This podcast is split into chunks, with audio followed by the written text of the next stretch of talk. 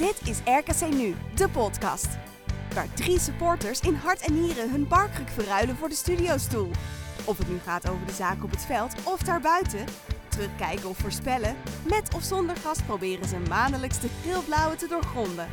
Interviews, anekdotes, analyses, columns en natuurlijk gewoon ouderwets ouwe hoeren over ons RKC. Alles komt voorbij in RKC Nu, de podcast.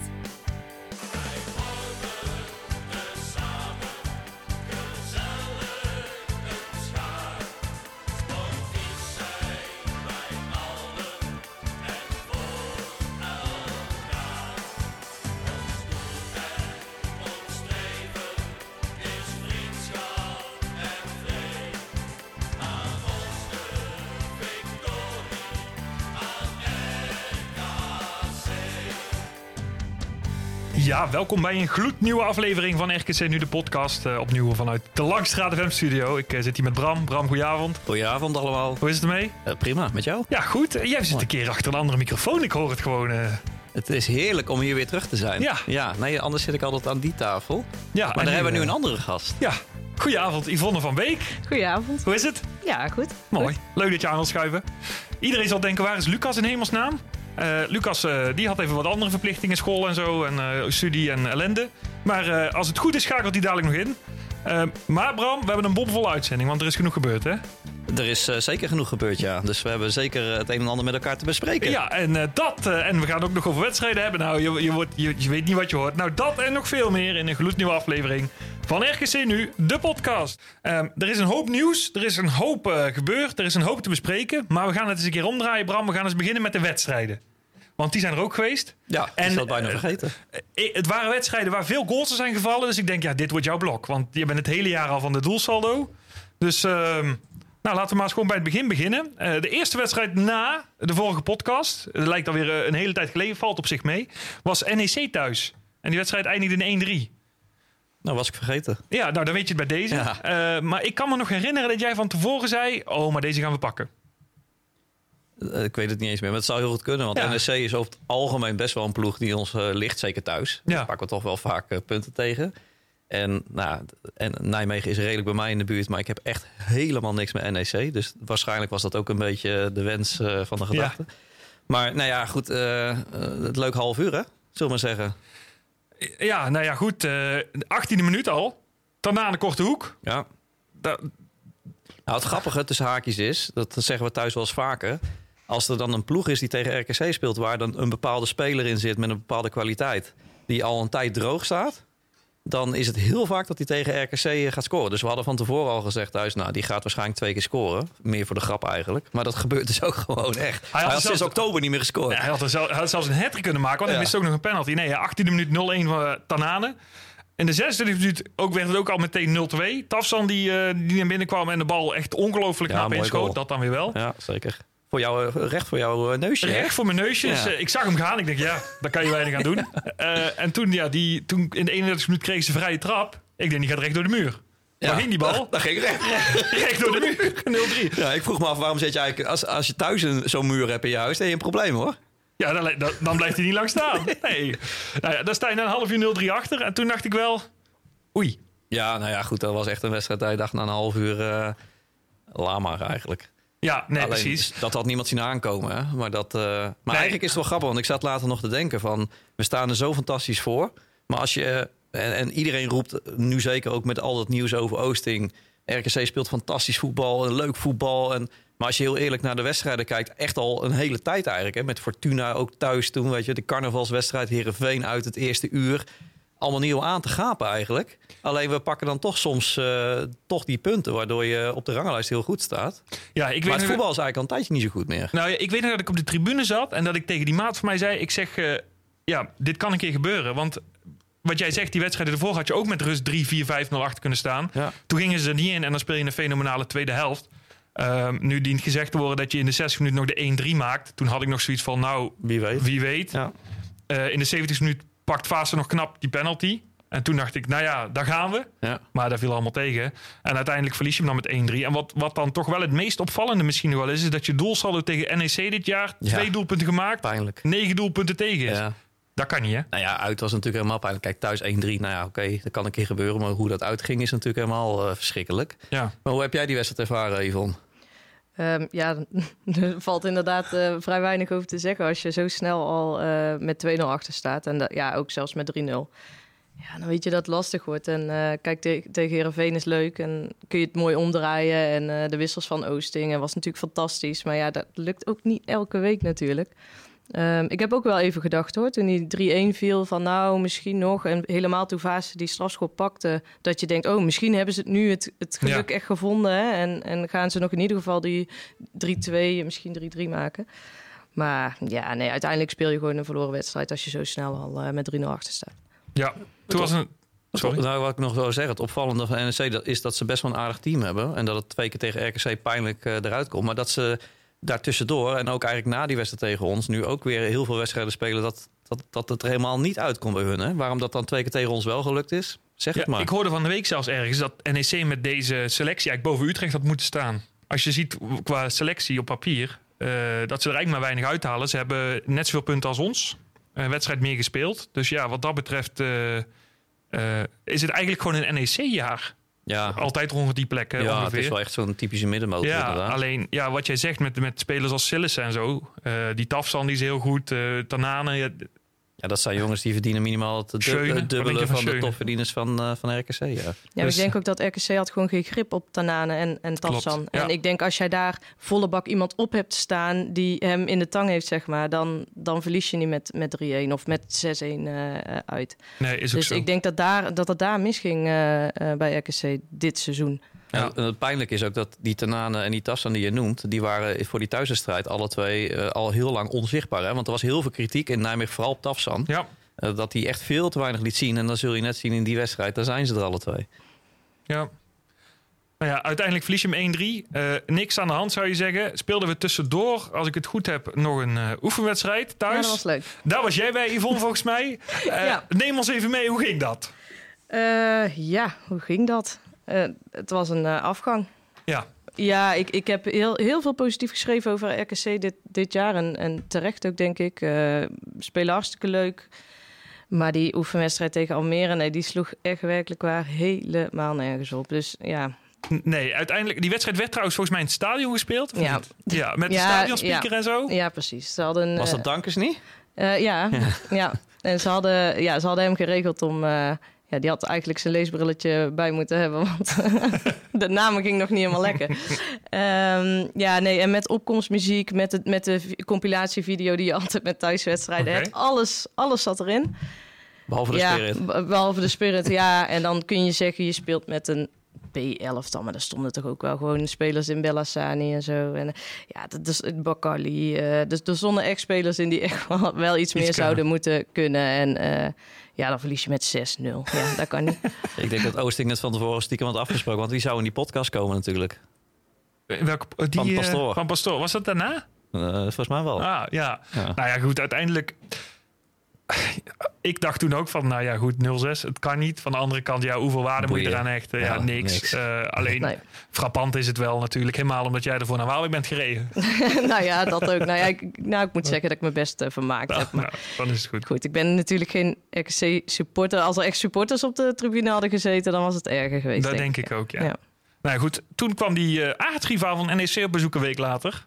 Vitesse. Die zijn niet in goede vorm dit jaar, dat wisten we. Ehm, ik schrok nog van het niveau van Vitesse. Helemaal de eerste helft. Ik, ik dacht echt, nou, als Almere hier 6-0 wint... dan wint Almere ook met 8-0 van Vitesse. Ja, wie weet, ze spelen niet tegen elkaar, dus je weet het nee, niet. Maar, nee, maar dat, dat Vitesse was echt, Ja, het is eh, gewoon een hele wisselvallige ploeg. echt heel zwak. Die hebben wedstrijden gespeeld onder Cocu dat je dacht van nou, ze zijn er wel weer bovenop. Mhm. En uh, dan kwamen er Ishimat kwam er nog bij daarna. En dan nog uh, die Van Ginkel natuurlijk en Prupper. Dus toen dacht je echt van nou, die zijn weg. Die gaan richting middenmoot minimaal. Ja. En dan, dan hebben ze daarna toch weer een serie gehad die echt heel tegenvallend is. Waar ook onder uh, onze wedstrijd gelukkig. En, uh, maar afgelopen zaterdag tegen Coët bijvoorbeeld uh, was het weer een totaal ander Vitesse met een zeer terechte overwinning. Dus ja, gelukkig in Waalwijk waren ze nog afwezig en Melle ook. Zo, ja, maar die speelde ook niet heel best. Nou ja, één goed schot had hij. Ja. Dat was een gevaarlijk schot. Maar uh, voor de rest uh, heeft hij keurig gedaan wat wij van hem verwachten. Niet te goed spelen. dus dat, uh, ik zie het probleem niet zo. Ja, voor, de, voor de volledigheid, in de 27 minuut werd het 1-0. Kramer die een bal eigenlijk met een beetje geluk binnenwerkt. Nadat, ja, dat zei hij zelf ook. Hè? Ja, nadat Seuntjes Enzo Cornelissen echt kinderlijk eenvoudig opzij zet. Ja. Um, maar wat ik vooral op heb geschreven is heel veel kansen RKC. Want je had hem ook 6-0 kunnen winnen. Ja. Uh, laatste kwartier had het ook nog 1-1 kunnen worden. Maar het was, het was een vreemde wedstrijd. Ja, nou ja, een risicovolle wedstrijd als je heel lang 1-0 staat. Volgens mij zei je dat ook nog tegen mij, Yvonne, toen. Van, uh, het had al uh, in de rust had al dikker voor moeten staan. En nou dan... ja, het is vooral, kijk, uh, kijk maar naar Heerenveen. Die stonden met 1-0 voor in de rust. En RKC gaat daarna rust overheen. Dat ja. Vitesse ook kunnen doen. Hè? Dus ja, wat dat betreft had je gewoon inderdaad met 3-4-0 eigenlijk moeten winnen. Gewoon. Ja, nou ja, goed, uiteindelijk win je een prima. Het is wel positief dat je zulke wedstrijden dan nu wel gewoon wint. Hè? Want er is ook echt ja, wel een hele tijd bij RKC geweest... dat je dan ongetwijfeld die laatste vijf minuten de deks op de neus zou krijgen. Ja. En dat gebeurt dus dan toch weer niet. Ja, ze vechten echt voor elkaar. En voor ja. elke meter en voor de bal. En ja, ze, ze gaan er echt voor ja, dit seizoen. Heel, an, heel anders dan de afgelopen jaren. Ja, en een keeper hè, die uh, ongelooflijk staat te keeper altijd. Ja. ja, ja, het is absurd. Ook tegen Vitesse pakte die weer een bal. En je denkt van, ja, hoe dan? Um, maar die lofzang die kunnen, we, kunnen we inmiddels elke week opsteken. Wat nog wel opvallend was aan die wedstrijd, Bram, is dat we voor het eerst dit jaar in een 4-3-3 opstelling uh, begonnen. Ja. En toen dacht ik, nou, ik ga ervoor zitten. En uiteindelijk viel die dus ook best wel prima uit. Want je had ook 6-0 kunnen winnen. Zeker. Heel veel kansen leverde het op. Um, en toen dacht uh, Oosting, dat ging zo goed. We gaan uit naar Feyenoord. Gaan we ook gewoon 4-3-3 ja, spelen. We doen het gewoon. We doen het gewoon. Ja. Nou, het jammere van gelijk met 4-3-3 beginnen is dat je niet kan irriteren aan de eerste helft. En dan naar de omzetting van 5-3-2 naar 4-3-3 ineens kan genieten van de een en de andere kans en goal. Want zo ging het wedstrijden lang eigenlijk. Ja. En ja, goed, 4-3-3, uh, dat is natuurlijk ook wel wat je hoort van tegenstanders. Hè. Dat is wel mooi ook, uh, ook in de analyse naar een wedstrijd toe.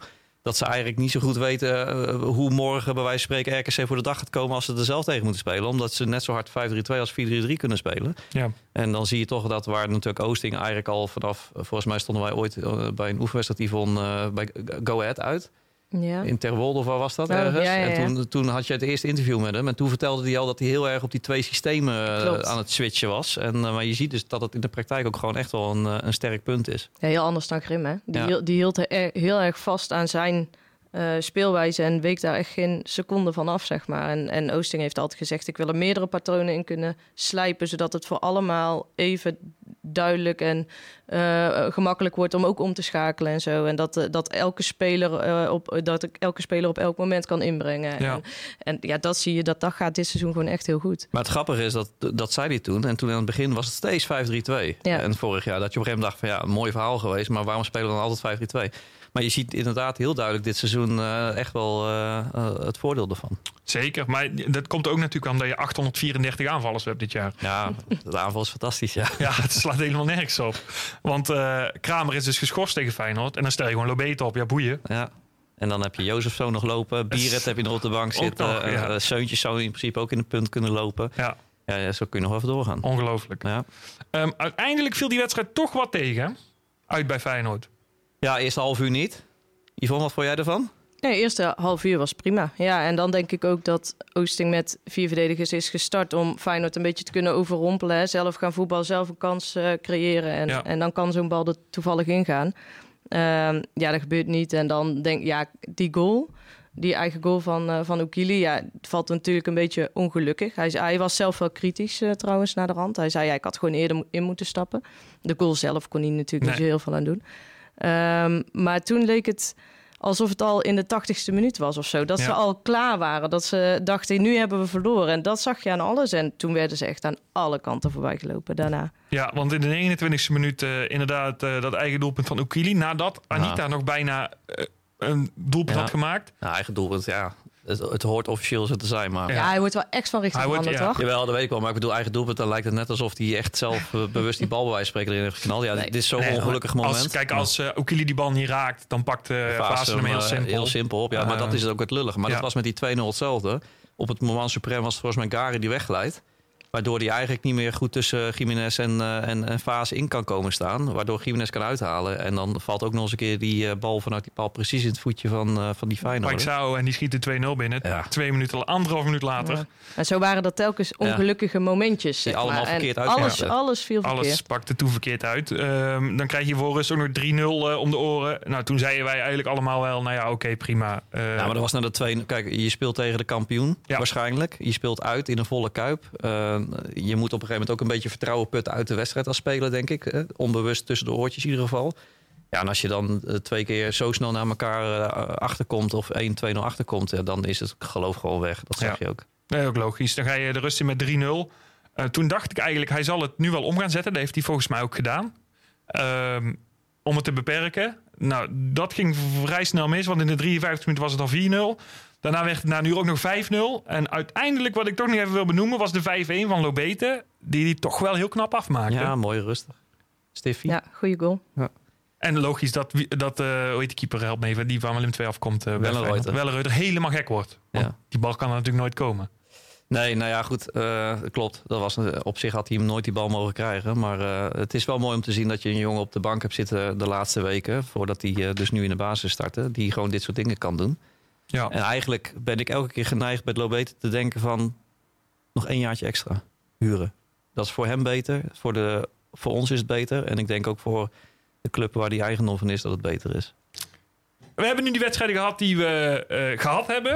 Uh, laten we nou eens even nog vooruitkijken. Er zijn nog uh, zeven wedstrijden tot het einde van het seizoen. Um, en we beginnen morgen, nee, overmorgen. Ligt eraan wanneer je het luistert. Zaterdag in ieder geval. Thuis tegen Groningen. Nou heeft Lucas toevallig een podcast gemaakt met onze vrienden van Kon Veel Minder. De FC Groningen podcast. die heb ik even zitten luisteren. Uh, zij hebben er geen vertrouwen nee. in. Gek, gek, gek, Ik denk dat hij nergens meer vertrouwen nee, in nee, heeft. Die, daar stond echt, uh, het is dus een, een, podcast van een half uur. Luister hem vooral hè, als je een half uurtje over hebt. Um, en ze hebben 28 minuten gevraagd aan Lucas hoe is het om te degraderen. Ja. Dus, die, uh, ja, nee, dat, die zitten er niet heel lekker Waarom in. die vraag aan Lucas dan eigenlijk? Ja, nee, ze hadden, Waar het was wel opvallend, want ze hadden, ze hadden dus ze hadden geen statistieken, behalve de statistiek over wanneer RKC gedegradeerd was en hoeveel ze daarna waren geëindigd en hoe dat toch allemaal kon. Dus uh, nee, ja, luister dat vooral. Um, maar ja, Groningen, daar kunnen we gewoon simpel over zijn. Die draaien gewoon een verschrikkelijk jaar natuurlijk, toch? Ja, dat, uh, dat is inderdaad wel uh, de nachtmerrie van elke Groningen, ja. En terwijl ze op zich volgens mij nog best wel een redelijke selectie hebben op heel veel posities. En eigenlijk ook best wel wel wat weken sinds de winterstop met regelmaat nou, best aardige wedstrijden laten zien. Maar toch, uh, ik heb een tijdje gehad dat ik dacht toen ik ze zag spelen van, nou ja, die gaan echt nog wel. Hè, toen hadden ze een aantal aankopen gedaan die in het begin ook echt wel heel erg goed uh, speelden. Maar nu onder andere. Ja, toen dacht ik, nou, die, uh, die komen echt nog wel op. Maar dat is toch weer als, als een plum pudding in elkaar gezakt. Ja, het is bij Groningen eigenlijk volgens mij elke week. Als we deze winnen, dan is het nog een kans. Ja. Al zes weken op rij. Ja. Uh, met als ultieme wedstrijd afgelopen weekend tegen Utrecht thuis. Uh, ja, daar, dat was echt zo'n wedstrijd waar alles tegen zat ook weer voor Groningen. Dan kom je achter en dan maak je gelijk en dan verlies je hem uiteindelijk nog. En de manier waarop die 1-2 dan valt van Dost, ja, dat is echt ongelooflijk. Als je helemaal in de hoek zit, hè? Dan, ja, dan gaat alles mis. Ja. Um, en Groningen ligt ons de laatste jaren natuurlijk wel lekker. Zo eerlijk moeten we ook zijn. Ja. Verwacht jij problemen? Nou, ik verwacht eerlijk gezegd niet dat het echt heel makkelijk gaat. Nee? Nee, dat denk ik niet. Waar denk jij hiervan? Ja, nee, ja, ik zou zeggen, je moet hem gewoon winnen. Dus ik, Ja. ik denk eigenlijk dat eh RKC wel, als ze weer zo uit de startblokken schieten zoals ze kunnen... en Ja. gewoon snel een doelpunt maken, dan ja... Groningen is zo nerveus. Die gaan wel alles of niks spelen natuurlijk, want die moeten winnen. Ja. Eh, maar ja, dan vallen er ook ruimtes. En ik denk dat RKC zou daarvan moeten kunnen profiteren. En ze moeten eigenlijk gewoon winnen. Ja, dat ben ik met je eens. Alleen eh, Groningen speelt ja, toch regelmatig helemaal niet zo heel slecht. Nee, dat klopt. En het is ook des RKC's om misschien dit soort wedstrijden dan weer Ja, maar tegen Bram, te maar spelen. dit is echt het RKC, het RKC supporter syndroom Ja. waar jij nu last van hebt. Ja, maar daar ben ik wel heel Kijk, gereserveerd. Groningen ja. staat Tegen PEC 17e. Zwolle bijvoorbeeld. Ja, dat- vorig vorig jaar. toen. Ja. Maar- 0-2 was dat Maar toen, dat was wel een Ja. ander scenario. Want Zwo- Groningen staat nu met 17 punten uit 28 wedstrijden op de 17e plaats. Ja, En die moeten minimaal 7 punten goed maken om überhaupt nog maar kans te maken op play-offs. Ja. Nou, dat is te veel, zou je denken. Ja, Ja. dat lijkt me klaar. Maar of ze ik- moeten dit, nu in één dit, wel... wordt, dit wordt Ja. zo'n wedstrijd. Zij klappen er vol in, denk ik. Eh, Ja. Dat zou je in ieder geval mogen verwachten als supporter van Groningen. Eh, want als ze nu winnen met nog vijf wedstrijden, dan weet je het niet zeker. Maar zodra dan de 1-0 van RKC valt... en het liefst eigenlijk op een hele lullige manier, eh, ja, dan is het over. Dan is het gewoon klaar. Dan denk je, dan gaan we weer. En dan, dan wals je eroverheen. Ja. 3-1 zeg ik dan. 3-1. Ja. Maar wie gaat, wie gaat ze dan maken? Ehm Seuntjes. Kramer. Het is thuis, hè, dus dan kan Kramer. Ja, Dat kan niet wel, ja. ja. En de kopbal van eh, Anita. Een kopbal van Anita. Ja, die hebben we dit jaar nog niet gehad. Net als in de Kuip Ja. vorig jaar. Ja, precies, ja. Nou, top, daar teken ik voor. Ik schrijf 3-1 voor jou, Bram. Eh, ik ga voor 4-0. Zo. Ja, ik, ik zit er gewoon lekker in. Ik Ja, vind maar- Groningen echt heel slecht. Nog slechter dan Vitesse. En je hoorde net wat ik van Vitesse vind dit jaar. Maar meestal als jij heel optimistisch bent. Dat is het ergste nu-syndroom. Dat is dit jaar ook anders. Eerlijk is eerlijk. Eh, nee, ja, ik denk dat we die wedstrijd gewoon makkelijk winnen. Ehm, en hopelijk kunnen we dan nog even sparen. Want volgende week, door de week spelen we alweer. Eh dan mogen we... Eh, maar Yvonne nog even... oh, sorry. Ja. Oh, ik hoop dat ik overgeslagen heb. nee, nee, nee. nee. Eh, ja, ja. Ehm, ja, ik wilde eigenlijk ook 3-1 zeggen, maar maak er maar 4-1 van dan. Dan hebben we alle drie iets anders. 4-1. Ja, Nou, ik teken voor alle drie de uitslagen. Dat, eh, Maar we gaan dus ruim winnen. Dat kunnen we concluderen. ja, Als, als we er nu 2-0 afgaan, dan staan we alle drie... eh, ja. dan, eh, dan, kunnen snappen we we beter niks stoppen. Dan kunnen we stoppen met de podcast. Ja. Ja. Ehm, dan die wedstrijd eh, op de 19e. eh, go ahead uit. Die inhaalwedstrijd. Eh, heeft toch nog best wel lang geduurd voordat hij ingehaald werd, vind ik zelf. Ja, ook dat het heeft ook lang geduurd voordat het überhaupt bekend werd gemaakt. hè? Ja. Dat was ook wel. Je vraagt je eh, af waarom, maar ja goed, Ja. dat zal zijn reden hebben. Ehm, Het zal te maken hebben gehad met ook de manier waarop het afgelast is. Het werd heel laat pas afgelast. dus het werd ook pas heel laat bekend wanneer de inhaalwedstrijd was. nou, dat was ongelooflijk even, toen wij daar zaten. Ja, dat was een vrij eh, bijzonder Vrij bizar, ja. Nou ja, t- toen ik aankwam, was, werd al door stewards en beveiligers gezegd... het is net al afgelast. Ja. Dus je, kon al, je wilde al bijna omdraaien, zeg maar. Toen ik een telefoontje kreeg, nee, het is uitgesteld. Ja. Ja. toen was het half negen, nee, toch kwart voor negen. En uiteindelijk eh, zit je daar in het stadion en twee... Ja, de, de opkomstmuziek klonk al. En, Ja. ja. ja, dat was vrij bizar. Ja, ongelooflijk. Ja, wij waren al omgedraaid. Ik was alweer onderweg naar huis. En Toen ben ik nog een keer omgedraaid. Twee minuten later. toen hing ik om kwart voor negen live in de studio van Langstraat. Ik zat mijn voorbeschouwing te doen en toen hoorde ik het gaat niet door. Toen heb ik gezegd tegen de beste man die hier in de studio zat. Ja, sorry, maar u kunt weer naar huis. Want Ja. dat ga ik ook doen. En ik stop er ook mee, ja. Ja, Ja, dus, nee, eh, een nee, bijzondere eh, amateuristische manier van eh, communicatie geweest in ieder geval. Ja, nou goed, die wedstrijd wordt nu in ieder geval ingehaald. Go Ahead staat op dit moment twaalfde. Ehm, ja, die draaien toch op zich, als je erover nadenkt, ook wel een best prima seizoen. Of, of niet dan? Ik vind het wel knap wat ze doen, ja. Dit weekend dan wel verloren van Vitesse. Nou, vrij kansloos ook. Dat was dan weer minder. Ja. Maar ja, wel een punt tegen Ajax bijvoorbeeld. Gewonnen bij Utrecht. Eh, en daarvoor dan weer 4-1 onderuit bij Cambuur. Dus als je er zo naar kijkt, is het vrij wisselvallig. Ja, het is wisselvallig. Maar het is ook een ploeg natuurlijk die thuis heel anders is dan uit, hè? Ja, nee, dat klopt. En zij moeten ook echt nog. Dus ik verwacht dat we daar wel eh, het heel lastig gaan krijgen. Vorig jaar hadden we natuurlijk een mooie 0-2. Maar dat was nog met geluk dat er geen thuispubliek zat. Ja, Stokkers en Kramer, volgens mij, die toen scoorden. ja Stokkers uit die eh, assist van, Ja, van eh, Etje, van ja. Ja, dat was een goede goal. Maar ja, nu heb je dat, dat uitpubliek en zij moeten echt nog wel één, twee keer winnen om ook eh, veilig te kunnen zijn. Of in ieder geval hardop te kunnen zeggen dat je veilig bent. Dus Ja, het, zij hebben potje. op dit moment 30 punten. Eh, als zij, nou, ja, wat je zegt, ze moeten nog wel winnen om veilig te worden. Eh, mochten ze echt nog naar boven willen kijken, richting die play-offs? Ik denk het niet. Nee. Maar mochten ze dat willen, dan moeten ze deze wel winnen. Ehm, maar goed, heel eerlijk, zie ik ze ook gewoon van ons winnen thuis. Ja, dat kan heel goed. Maar het, ja, maar het gekke is, bij RKC kan het alle kanten op, dat weet je. Bij Go Ahead is echt ook zo'n typische ploeg die de ene week is de andere niet.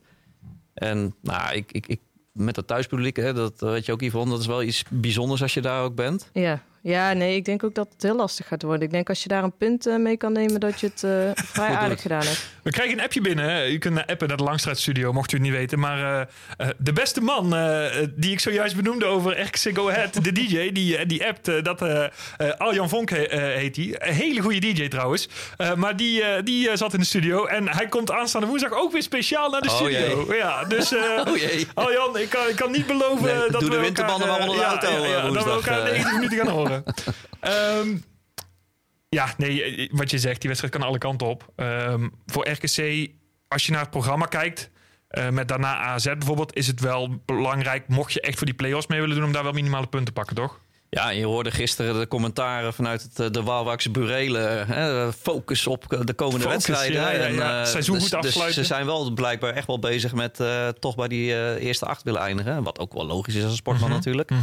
Ja, hoe realistisch het zijn, ja, dan zal je inderdaad zo'n wedstrijd als Go Ahead... nou ja, minimaal gelijk moeten spelen wat Yvonne zegt, ja. Oké, en wat denk je er dan van? Ik denk dat we eh 2-1 verliezen. Jongen, jongen, jongen.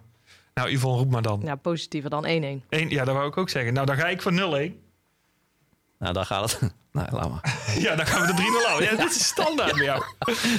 En nou ja, goed. Als je eh, zelfs zo'n wedstrijd al positief gaat voorspellen. Nou ja, Kijk, ja. Groningen thuis snap ik het nog wel waarom je. Maar Ik zeg toch ook geen 4-0? nee, dat is waar. Nee, daarom. Gaan we door. Eh, AZ uit, de volgende. Eh, je zou van tevoren, zou, tenminste als ik naar mezelf kijk, zou ik zeggen die is kansloos. Maar op de een of andere manier hebben we het laatste jaren best wel prima tegen AZ. Ook vorig jaar dan nog gewonnen. Was dan wel de laatste wedstrijd, maar Die zijn uit vorm. Moeten zij. Wanneer is dat? Is dat zij eh, spelen tegen vanavond volgens mij tegen... Ja. eh, Is dat dan over twee weken die return? Ja, dat denk ik. Ja, tegen Anderlecht. Dus dat is dan eh, net voordat ze tegen ons moeten. Ja, dat, is, dat zal wel, want het is zondagavond 8 uur. Ja, Ja, dan. en ze zijn toch niet echt lekker bezig de laatste tijd. Nou, dat, kijk, daar zie ik dan mogelijkheden. ja? Tim. Ja. vertel. Wat, wat voor mogelijkheden zie je daar? Nou, zeker een gelijkspel. Ja? Ja. 1-1 had ik nu in mijn hoofd zelfs. Het is ongelooflijk. Ik schrijf hem, ik schrijf Ja, hem gewoon schrijf op. op. Wat is eigenlijk de inzet? Eh, daar moeten we het nog even over hebben. Ik, ik, ik vind alles goed. Yvonne, wat denk jij? AZ uit. Ehm, ja, god. Als je inderdaad naar afgelopen seizoen kijkt, denk je, ja, Ja. het kan makkelijk. Ja. Maar nee, ja, goed. eh, de AZ is natuurlijk eh, in principe kwalitatief eh, sterker. Maar ik denk wel dat je daar... ehm, nou, ik denk dat, dat RKC wel een ploeg is die daar iets kan halen. Ehm, ja, dan mag je geen 1-1 zeggen Ja, natuurlijk. je mag het zeker Je mag zeggen. alles zeggen. Dan zeg ik 1-2. 1-2. Ga ik voor Ik ben heel 3-0. positief. Ik, eh, ik denk 3-0 voor AZ. Kijk, Eh, Dus mijn hele betoog van net slaat helemaal nergens op. Daar komt het eigenlijk op neer. Eh, ja, dat nee. zou zo wel kunnen. Kijk, oh, Zij spelen het- natuurlijk wel echt om bij die, wat is het, eerste vijf moet Eerste, je komen om geen, of vier, eerste, Eerste vier. vier. Om geen play-off te Ehm, spelen, hè? Zij Dat- zijn dat- eigenlijk een, ja, zij zijn een beetje in de strijd eh, gewikkeld met, eh, met Twente.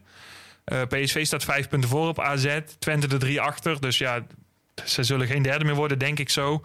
Ehm, dus zij zullen met Twente uitgemaakt wie de vierde wordt. Nou, Ja. Twente wordt ook geen vierde, denk ik. Ik denk de AZ wel vierde wordt.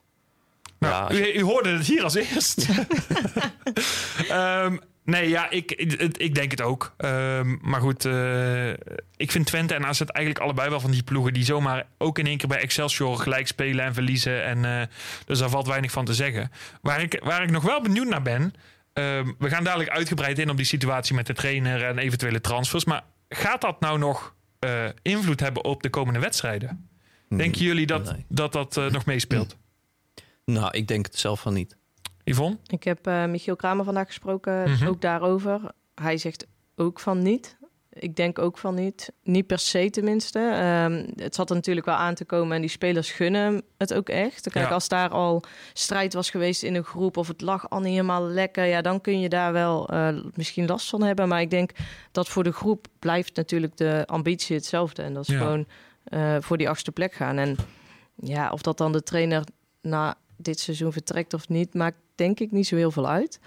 Ehm, ja, het, het, het kan natuurlijk wel dat het toch een of andere invloed heeft. Maar ik, ik denk eigenlijk dat, dat Oosting wel ehm, professioneel genoeg is om, om meteen die knop om te zetten. Hij wilde ook verder niks over Twente zeggen. Hij wilde gewoon focus op RKC en meer niet. Ik maak dit af. Ja, ik ga naar Twente, maar ik wil dit eerst goed afmaken. En ik denk dat hij daar wel de geschikte persoon voor is om dat te doen. Dan heb je natuurlijk altijd wel iets verschil tussen bewust en onbewust. Ja. Je kunt wel bewust iets willen, maar je hoort ook wel eens dat voetballers voor een wedstrijd heel hard hun best doen om heel scherp te zijn, maar toch Ja. niet scherp beginnen. Mhm. Dus het onbewust kan zoiets doorcijferen. Maar ik denk eerlijk gezegd dat het kantelpunt eventueel is als je nergens meer voor speelt. Ik denk zolang wij echt nog achtste kunnen worden, die play kunnen halen, dan gaan ze er echt wel voor. Maar stel dat dat uit zicht is omdat je nu Groningen gelijk speelt en Go Ahead uitverliest. Dan denk ik eerlijk gezegd eh, met dit dan, dan ook een beetje zijpend erachter... of dat dat misschien het kantelpunt kan zijn... dat, dat dan die laatste paar wedstrijden gewoon...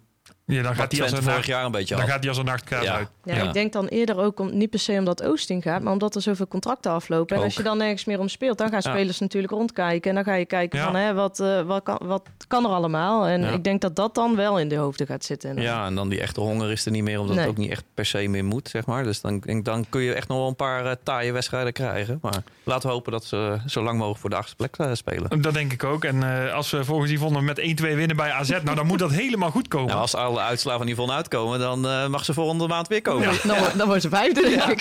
Ja, dan gaan we direct Europa in dadelijk, joh. oh, zo play-offs. Pas op, Ja. pas op. Ehm, wie had dat trouwens gezegd? Dat, gedacht dat we dit nu zouden zeggen. Dat we bizar, gewoon te grappen over eh play-offs halen. Nou, je moet er ook wel echt van genieten.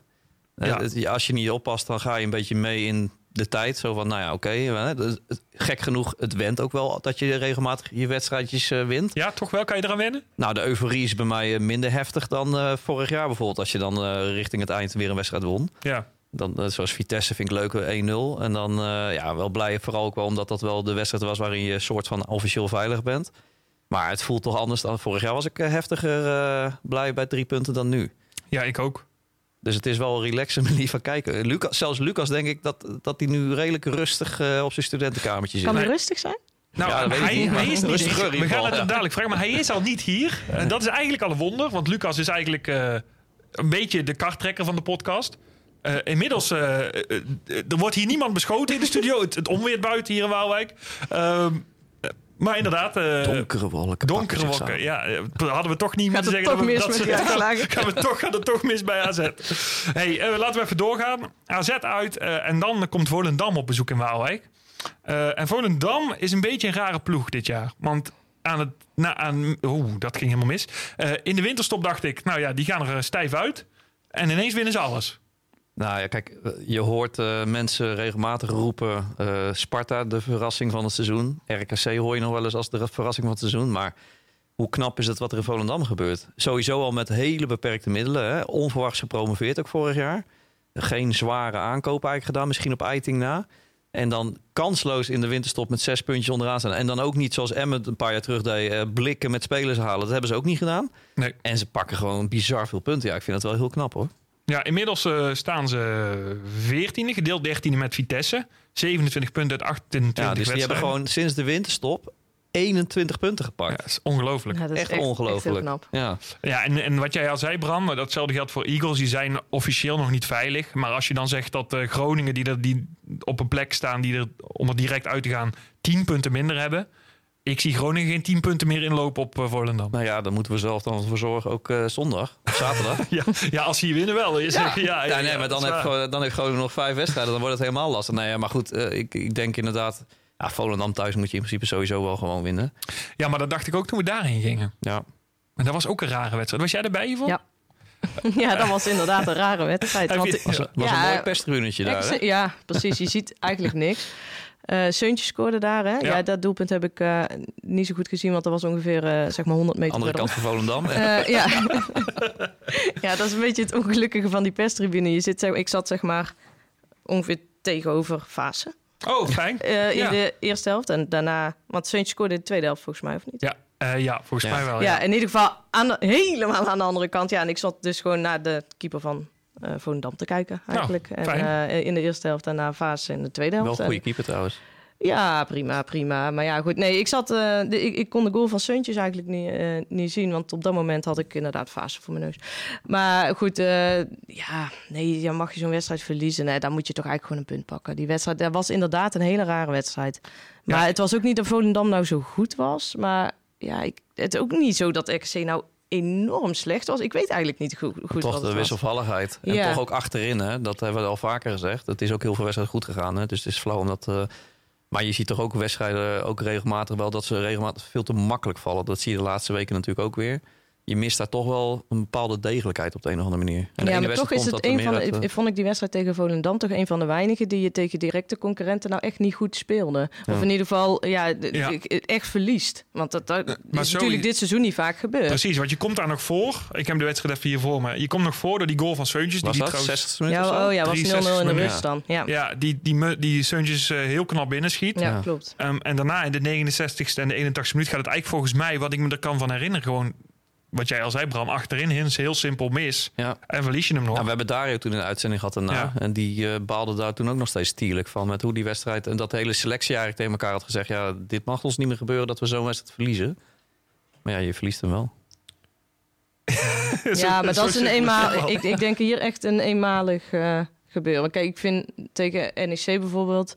Ja, die hebben gewoon ook echt, echt een aantal hele goede spelers in de selectie. En ja, dat, dat kan. Ja. Tegen Volendam op dat moment, ook in de vorm waarin Volendam toen verkeerde, denk ik, ja, nee, dat was gewoon niet goed. Maar ja, van RKC kun je ook weer niet verwachten dat je er 30 wedstrijden wint. Nee, in eh, twee seizoenen. Is ook zeker zo. Ik zit ook even te kijken. Volendam uit en thuis is ook wel een aardig verschil. Ja. Eh, die pakken de meeste punten toch wel thuis. Eh, dus ja, wat je zou zeggen... eh, ik ga wedstrijden zijn er nog daarna? Daarna zijn er Drie nog nog, drie. hè? ja. Ja, dus kijk, je komt natuurlijk straks ook weer in zo'n serie terecht... waarin het ontzettend lastig is om een nuttige voorspelling te doen. Omdat de een is klaar, de andere speelt nog ergens voor... en dan krijg je een hele andere verhouding op het veld. Maar ja, Ja. eh, Volendam thuis is natuurlijk sowieso... en hopelijk pakken ze dan eh, dat, dat rotgevoel wat ze hadden meegenomen vanuit Volendam... pakken ze dat op voor de wedstrijd thuis tegen Volendam om het goed te maken. Maar ja, 2-0 moet het wel kunnen worden. Ja, want als je toch serieus voor die play-offs wil gaan... moet je deze wel gewoon in de reeks die we zojuist genoemd hebben... Groningen, Eagles, AZ, Volendam... zijn Groningen en Volendam toch wel de wedstrijden... die je minimaal echt gewoon moet winnen. Ja, maar het is wel zo dat als je de, de wedstrijden die daarvoor komen, als je Groningen thuis, Go Ahead uit en AZ uit, als je daar tegenvallende resultaten pakt, hè, 1 uit 3, ik noem maar wat, Daar gaat het dan ergens meer om. dan gaat het nergens Ja. meer om. Ja, dan kan je zomaar tegen Volendam thuis ook nog een deks op de neus krijgen of eh zouteloos 0-0 spelen. Ja, dus dat is lastig voor nu. Van, eh, het, het, het gaat, ja, per week bekijken, Tim. Per week. Ik hoor het jou zeggen, Bram. Ja. ehm Yvonne, wat denk jij ervan? Volendam thuis. Bram, jij zegt 2-0, hè? Daar gaan Ja. we weer. Hè? Ja. Ik Ehm, heb het niet opgeschreven nog. ja, wel zeker. Hij staat al. 1-0.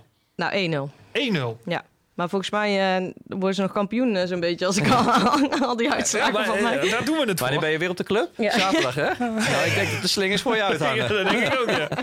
ik, denk, eh, ja, ik denk dat we die ook wel winnen. Ik denk ook ik denk eh, 3-1, denk ik. Eh, ja, nou, en dan, als je dan door zo... die- Ik heb die uitslagen zo voor me, die wij Ja. voorspellen. da- Dan worden we inderdaad gewoon derde dadelijk nog. Dan hebben we Volendam gehad. Gaan we uit naar Utrecht. En Utrecht, ja, ik heb het al bij een paar ploegen gezegd... maar Utrecht rijdt ook wel een raar seizoen. Ja, dat is ook heel veel.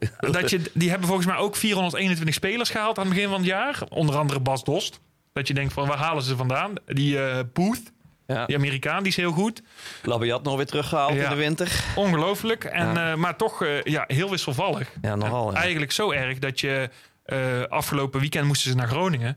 En toen zei Groningen, nou ja, als we er één moeten winnen, dan is het deze. Want Utrecht draait voor geen meter. Had ook zomaar gekund trouwens hoor. Ja. Eh, maar Utrecht herpakt zich dan.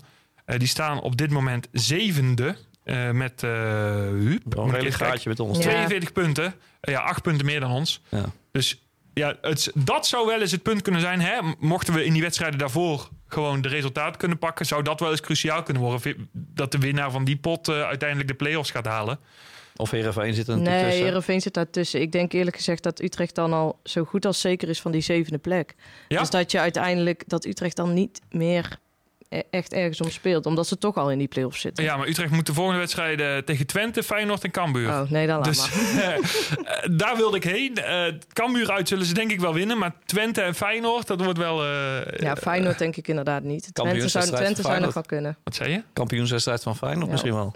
Ja, dat in de Kuip. Ja, ehm, nou ja, goed. Dus, dus nogmaals, die wedstrijd... eh, ehm, dat kan wel eens beslissende worden. Ik eh, durf er echt hele werkelijk waar niks over te zeggen. Ja, dat zal moeten van jou. Maar ook zo'n wedstrijd die alle kanten weer op kan. Ja. God, wat een clichés allemaal vanavond. Dus het wordt eh 1-2. Ja. Nou, dan weet je dus één ding zeker, Yvonne. als, die, als die al zo ontspannen elke keer die, die over... Dan heb ik hem echt, die vier seizoenen dat we dit nou doen... Echt, dit heb ik nog nooit meegemaakt. Je ziet dat de spanning er gewoon af is bij die jongen. Ja, ik, ik werk gewoon graag onder druk, Bram. Heb je wel door, toch? Ja. Maar wat denk jij ervan? Nou, ik geniet van de ontspanning. Dat. Zo beleef ik eerlijk gezegd zelf ook deze laatste Ja. zeven wedstrijden wel. Ja, eigenlijk, heel eerlijk, ma- maakt het niet zo heel veel meer uit. We hadden het er net al over. Jij, Yvonne, zei, ja, je moet nou toch wel voor die Ja, play-offs die, gaan. gaf me de, die kreeg de winter ja, van. zeker. eh, ja. Hij heeft ze ook wel gelijk in, eerlijk is eerlijk. Nou ja, ik denk anders, weet je, dat, dan sta je zeven, zeven wedstrijden voor niks te spelen. Terwijl je nu het, het beste seizoen in, in jaren, ja, dat heb je misschien nu nog wel. Maar ik bedoel, je eindigde vorig jaar ook als tiende. Ja, doe je dan nu weer, dan heb je misschien beter gevoetbald. Maar uiteindelijk, ja, Ja. Ik, ik zou nu echt voor die achtste plek gaan. Ja, tuurlijk. Maar je, tuurlijk moet je voor die achtste plek gaan. Dat, Dat is toch leuk? Een ja, beetje Ja, maar daar ben je ook erin. sportman voor. Ja, nee, dat is ook zo. maar weet je wat het Als probleem de supporters al, al denken, ja, laat maar die wedstrijden. Yvonne? Normaal gesproken eh, hebben wij tot aan het einde elke keer die wedstrijdspanning. En nu heb je in ieder geval niet meer die negatieve wedstrijdspanning Nee, van te kunnen reageren. Dus nou heb je eigenlijk zoiets. Ik heb eigenlijk ook geen zin meer om nou heel gespannen nog te zijn voor de Ja, play-offs. het is Je hoeft ook een- niet gespannen te zijn. Alle, alle punten zijn meegenomen, Nee, dat, dat bedoel ik. Maar, Maar zo het, kijk het, het is gewoon een gekke gewaarwording. Want wat je zegt, Bram, normaal nemen we, we nemen dus elke maand een podcast op. Normaal zitten we puur in spanning. Dan, dan lullen we al een uur vol met spanning. Ja. En we zeggen net tegen elkaar, ja, het gaat eigenlijk wel goed. Wat moeten wij eigenlijk allemaal over hebben? Nou hebben we daar nog wel een hoop, daar gaat het niet om. Ehm, Ja, Ik besef me nu eigenlijk pas wat voor zwaar leven we normaal hebben eigenlijk. Als RKC-supporter. Dat je zo lang die spanning houdt. Ja, dus jij, ik hoor jou hier zeggen dat je medelijden hebt met de Groningen supporters. Eh, nou, die hebben ook niet zoveel spanning meer. Ja, uh, touché. Ehm, Utrecht uit. eh, had jij al iets gezegd? Nee, nog niet. Zeg het maar. 1-1. Ehm, pff, jongens, 1-1. Yvonne? 2-1. 2-1 voor Utrecht. Ja. zie je, daar gaan we. Daar, dan gaat, daar gaat het misbrand. Ja, nou, niet dat ik een of andere orakel ben, hè, want dan, ko- dan koop ik daar ook nog een staatslot. Ja, nee, precies. Nou, dan hebben we Utrecht gehad. Daar komt Twente op bezoek op 21 mei, de ene laatste wedstrijd. Ja, ik, ik, weet het, ik weet even niet meer wat ik erover moet zeggen. Ja. Want de- die wedstrijden, het verhaal is hetzelfde, je weet het niet. Wat zeg ik altijd van Twente thuis? Ja, daar winnen we 3-0. Ja. Schrijf ik 3-0 voor jou op. Ja, oké, top. Yvonne, wat denk jij ervan? 1-0. 1 over RKC? Ja. Nou dan. eh, Vorig jaar was dat een hele belangrijke pot. Eh, Twente thuis was ook helemaal richting het einde van het seizoen. Ik geloof ook twee, drie wedstrijden voor het eind of zo. Of vier wedstrijden voor het eind. ja, dat zou best kunnen, ja. We hadden wel pakten belangrijke- hele belangrijke Ja. drie punten toen. Ja, maar ik denk dat Twente dan geen... Die kunnen dan helemaal geen vierde meer worden, denk ik. Ik denk dat ze onderweg wel nog een aantal punten Ja, laten liggen... waardoor ze sowieso vijfde zijn. Ja, en dan winnen Ja, we sowieso en al. dan, dan zal RKC wel kunnen winnen in ieder geval. Ik denk 0-2. Ja, Ja. maar dat mag. ja, toch? Daarom. En dan op de een of andere manier gesteld mij dat altijd gerust als je dat soort... Ja, dan eh, wordt het 3-0. Ja. ja. precies. Eh, dan hebben we nog één wedstrijd te gaan op 28 mei. Dat is Cambuur uit. Eh, daar zullen waarschijnlijk geen RKC-supporters bij zijn. Want eh, er mogen geen uitsupporters mee naar Cambuur. Bij geen één club. Eh, dat is toch jammer. Helemaal Ja. omdat je daar misschien wel play-offs kunt bereiken. Ehm, maar over die wedstrijd zelf. Ja, Cambuur staat 18e. Die doen het nog minder dan eh, Groningen eigenlijk. Ja, eh, wat zullen we ervan zeggen? Als je toch, nogmaals, ik, ik blijf in herhaling vallen. Maar als je mee wil doen om die play-offs, moet je die toch gewoon winnen. Nou ja, dat sowieso. Maar ja, het kan ook zomaar zijn dat als zo'n club eh, gedegradeerd is en, die, en, en al die spanning is Ja. eraf, dat ze heel leuk voetbal laten zien. Dat, ja, Ik denk het niet. nee, ja. eh, Ja, het zou wel kunnen omdat het de laatste wedstrijd in eigen Ja, huis is. Dat, dat ze is nog waar. wel po- redelijk positief willen afsluiten, ondanks een degradatie. Dan Ja. kun je wel een beetje pech hebben. kijk, misschien. als RKC uitgespeeld is, dan verlies je hem. Ja, dat denk ik ook. Dat denk ik ook. Ja. Dus, wat wordt het? 0-1. 0-1. Ja. Ik eh, ga voor eh, ook 0-1. Yvonne? Ehm 0-2.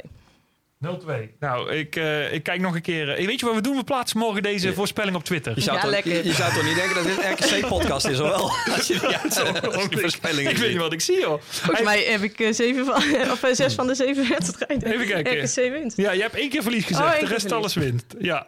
Oh, nee, ja, één nou. keer gelijk? Heb ik niet een keer gelijk gezegd? Even kijken. Ja, zeker. één keer Ah, gelijk. ja, lekker zeker. Als het goed is en de techniek werkt mee, dan hangt nu aan de lijn Lucas. Ja, bij de Langstraat weet je het nooit niet. Oh, Lucas, praat nog eens even, want je bent een beetje zachtjes. Hallo, hallo, hallo. Ben ik zachtjes? Even kijken. Ja, daar ben Is je. beter? Daar is die hoor. Hij is er. Of dat hij hier naast ons zit. Lucas, hoe is het? Eh, ja, druk. Druk. Ja, je bent er niet vanavond. Eh, waarom? eh, mogen we weten waarom? Ja, nee, kijk, eh, het is deze twee weken tentamenweek in Eindhoven. En meestal komt dat net goed uit, maar vanavond even niet. Ja. En ehm, ja, daarom. Nou, fijn dat je toch nog even eh, bij ons eh, aan wil sluiten. Lucas, we hebben net de voorspellingen gedaan. Ja. Eh, ik zal je de moeite besparen. Ik kan je wel vertellen dat Yvonne eh, denkt dat we kampioen worden. Ja, ik, ik, ik ben ongeveer om tien over half negen of zo ben ik eh, ingetuned. Ja. Dus ik heb er wel een paar eh, dingen voorbij horen komen. Maar eh, nou, om, om, om jou alle zeven wedstrijden te besparen, denk je dat we nog veel gaan winnen? Nou, eigenlijk wel. Denk je dat we play-offs gaan halen? Dat hangt een heel klein beetje af van de wedstrijd Go Ahead Eagles uit, denk ik. Oh, en wat gaan we doen bij Go Ahead Eagles uit? Eh 2-0 winnen. Ja, maar dan is het toch geen ja. vraag. Dan, gaan we- dan, dan, dan gaan we gewoon play-offs spelen dus. Ja, oké, ja, oké, ja, dan denk ik dat. Nee, maar dat typisch dat, dat het zijn toch als in als je daar een, dat is eigenlijk een gratis wedstrijd dat jij kan eh, dat jij voetbalt en de rest niet. En dan sta je weer gelijk met Herenveen volgens mij uit mijn hoofd. Ja. Zou best Eh, kunnen, ja. ja. Dus zodoende. Nou, top. Ehm, Nou, bedankt eh, Lucas ja, voor je dit was het. Nee, nee, nee. Hey, eh, Lucas, ik ben wel even benieuwd. ehm, eh, wij hebben natuurlijk ook de wedstrijden besproken. Dat heb je niet gehoord. Ehm, maar is jou nog iets opgevallen de laatste weken? Nou, kijk, ik had de vorige podcast natuurlijk wel een grote mond van ja, en eh bij Chen erbij van ja, verliezen doet minder pijn en eh, je kent het wel. En, eh, maar ik was wel echt zuur naar NEC thuis, omdat Ja? het gewoon zo onnodig was. Ja, Jawel, goede manier ploeg, hoor. Maar eh, dat je dus, ja, wat is het, binnen een half uur 3-0 achter staat. Ehm, ja, nee, dus, dus het kan nog wel, laat ik het zo zeggen. Dat je, dat je nog baalt van een verlies. En ehm, eh, ja, dat is eigenlijk, eigenlijk punt 1. En verder, ja, dat het bij Feyenoord zo snel gaat, ja, jammer. Ja, dat, dat kan- gebeuren op zo'n zondagavond. Ehm, ja, gaan we, gaan we verder wat, eh, wat, wat anders doen. Ja, is- zo is het toch ook. Ja, ik bedoel, er, zijn jaren geweest waardoor we daar een week ziek van waren. Nou, dat is gelukkig niet dit jaar. Nee, dat klopt. Maar ik wil nog even één ding. Ik denk dat iedereen het op Twitter wel gezien heeft van de week. Maar Lobete is echt een held, toch? Ik bedoel, jullie, we gaan zo, jullie gaan zo spelers bespreken. En eh, als er één speler is die ik echt uit wil lichten, waarvan ik echt hoop... Het is een godswonder als het gaat gebeuren. Ik weet het. Maar alsjeblieft verleng die gast of huur hem nog een jaar. En dat is Lobete. Die, die, die, die gast, die, die leeft mijn droom. Die is op 's middags chef en die scoort s'avonds in de Kuip. Ja, Dat moet je even uitleggen, Lucas. Dat moet je even uitleggen. Nou, iedereen die. Er is een Twitter-post voorbij gekomen. En ehm, eh, ja, da- daarin stond hij dus. Ja, Van, met- van RKC bedoel je? Of? Ja, van RKC inderdaad. En dan stond hij voor de selectie te koken. En dan denk je, ja, dat zal wel op zaterdag zijn geweest of zo. Misschien ook de dag na de wedstrijd. Maar op de achtergrond zag je dat Ajax Fortuna bezig was. En dat was een wedstrijd van half drie of kwart voor vijf. In ieder geval ook op zondagmiddag. En ehm, ja, daar moest ik al enorm om lachen. Ja, dat je dus gewoon 's middags een beetje eten staat mee te geven. En s'avonds eh scoort in het eh, mooiste stadion van Nederland. Dus ja, echt vet. Ik hoop echt dat hij blijft. En... ehm, Hoe groot acht Ja, jij die kans? ja, niet zo heel groot, eerlijk gezegd. Ik bedoel, hij wordt door Oosting in ieder geval gezien als een één op één vervanging van Kramer. Tenminste, ze spelen bijna nooit samen. Mhm. Dat moet ik toch echt goed in mijn eh, geheugen graven. Ehm, eh, ja, en hij zal willen voetballen. En, dat, en daar heeft hij ook nog alle recht toe ook. Maar ja, ehm, het feit dat wij zo'n speler op de bank kunnen houden... dat laat ik ook wel zien wat voor een bizarre luxe situatie, eh, of luxe positie we hebben. Kijk, Kramer heeft nu verlengd. Jij zegt, eh, we moeten Lobete nog een, eh, een jaar huren. Maar eigenlijk beantwoord mee, jij daarmee je eigen vraag al. eh, omdat ze nooit samenspelen. Ik neem niet aan dat Lobete nog een jaar gaat banken. Nee, niet banken. Maar het ligt natuurlijk wel een beetje aan wat de nieuwe trainer wil. Eh, kijk, Oosting is vrij duidelijk wat hij wilde. Die wilden ze niet samen opstellen. Ja. Fraser is niet zo van de buitenspelers. Nou ja, als jij nou Fraser eh, komt, dan hoef je zulke spelers helemaal niet te halen. Nou, dan, dan halen we Tommy eh, Beugelsdijk, denk ik. Ja, betonvoetbal wordt het dan, hè. Maar ehm, eh, nee, ehm, dus, dus ja, van, van mijn part komt hij. En eh, vinden we een systeem waarin ze allebei kunnen spelen. Ja. Maar ik acht die kans vrij klein als ik eerlijk ben. Ja, ik ook. Maar ja. Weet je wat ik nou eigenlijk... ik heb sinds ik nou Lucas hoor praten, heb ik eigenlijk dat één vraag voor jou, Tim. Nou, Hoe vind je nou dat je Lucas hoort praten, want hij praat altijd veel... ja. Dat je hem nu gewoon lekker met één schuifje zo uit kan Ja, zetten. hij Dat is- heb je is- normaal nooit. Dat is, Eén- als ik hem dadelijk beu ben, dan is het één knopje, dan is hij weg. ja, die kunnen we zo wegschuiven. Ja. Weet je hoe maf het is? Zijn nog eens, Lucas? Ja, precies. Weet je hoe maf het is om op de fiets naar je eigen podcast te luisteren? Of tenminste, ja, naar jullie te luisteren. Dan denk je, ja, maar wacht, dit is gewoon live. En dan jij- het jij zat- tentamenweek. Jij zat op de fiets mee te praten eigenlijk, of niet? Nou, nee, het is wel zo dat je overdag denk je van, nou, ook wel lekker of zo. Een beetje focus op die tentamenweek. Maar ja, dan hoor ik jullie zo praten en dan begint het toch te kriebelen. Ik denk, ja, hmm, hmm, het ging dan sowieso Hij niet met eh, tentamen. wat Tim, wanneer krijg ik was, nog eens de beurt? Ja. ja. hey, eh, Lucas, volgende maand ben je er weer bij. Is er nog iets wat je kwijt wil? Ehm, ja, jammer van Oosting, maar goed, dat... eh, Ja, dat, dat, eh, gaan wij zo bespreken. Maar ja, Daarom. jammer inderdaad. Ehm, ja, nogmaals, je bent er volgende maand weer. Groningen, Ja. wat, nog even één, één voorspellingje. Groningen thuis, wat gaan we doen? Eh 5-1. Alle 5-1. doelpunten het laatste half uur. Nou, top. Nou, dan eh, gaan we daarvoor tekenen en dan eh, spreken we jou volgende maand weer. Doen we. Dankjewel, Hey, Lucas. succes nog. jongen. Hoi, hoi. Nou, dat was Lucas. Kijk, en zo simpel, zo makkelijk is hij dan weg, hè? Zo makkelijk kan het zijn. Wat voor gevoel geeft dat? Voldoening. Ja, Ja, ja, ja, ja, ja. Hey, ehm, eh, Lucas had het er al even over. Laten wij het daar nu ook even over gaan hebben. Ehm, want het nieuws van de week is toch eigenlijk wel eh, dat Oosting vertrekt naar FC Twente. Ja.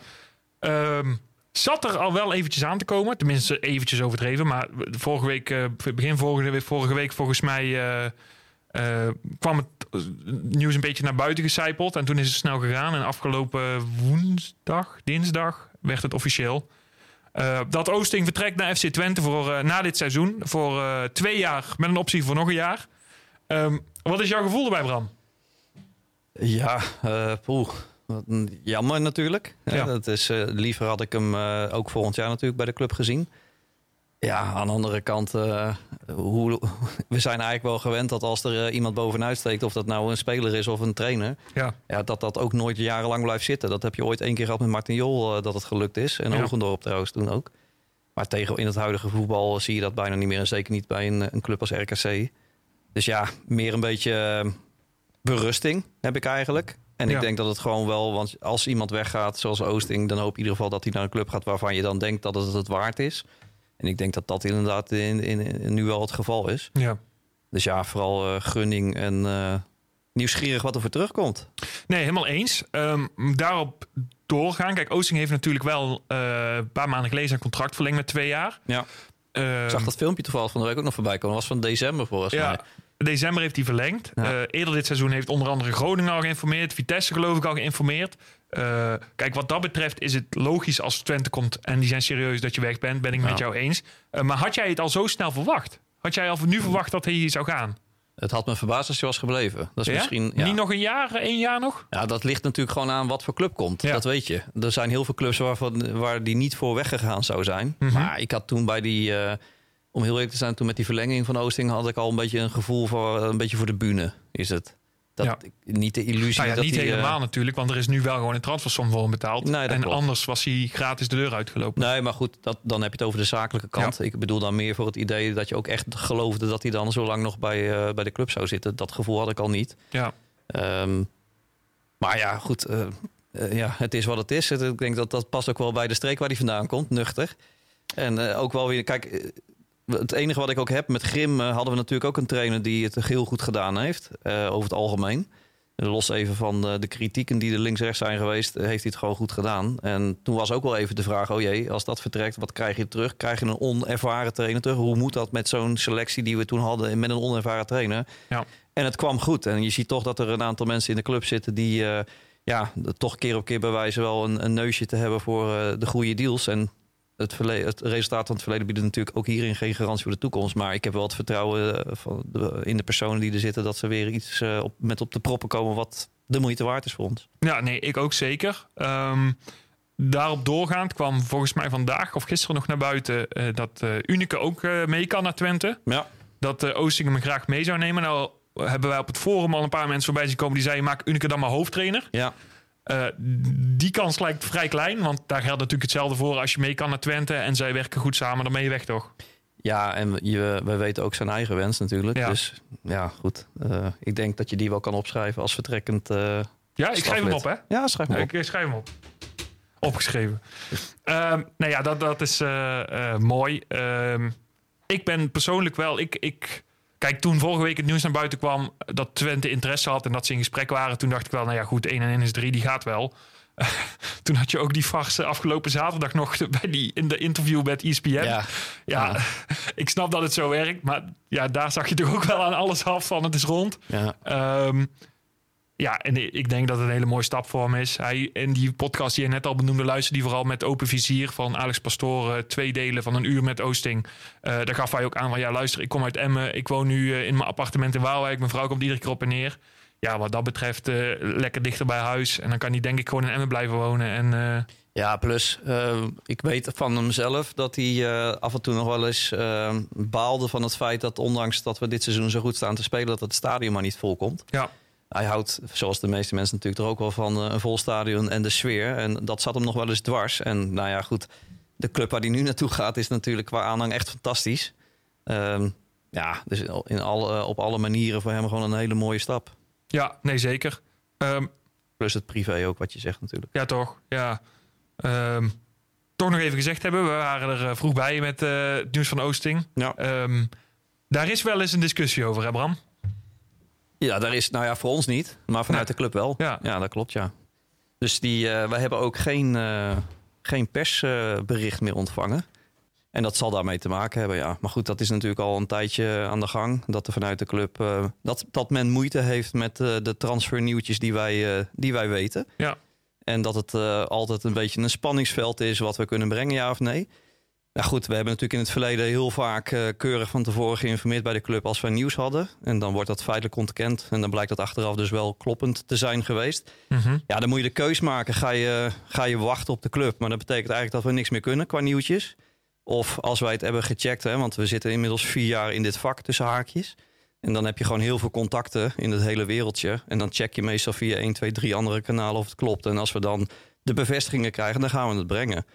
En daar hebben ze vanuit de club inderdaad eh, wel moeite mee. Ja, en om, om wel goed om nog te benoemen is dat we niet zomaar alles de wereld te slingeren wat Zeker we horen, niet. toch? Nee, nee, nee. Kijk, wij willen geen roddelkanaal zijn. En ik denk dat iedereen inmiddels vanuit ons ook wel weet. Hè? De supporters ook.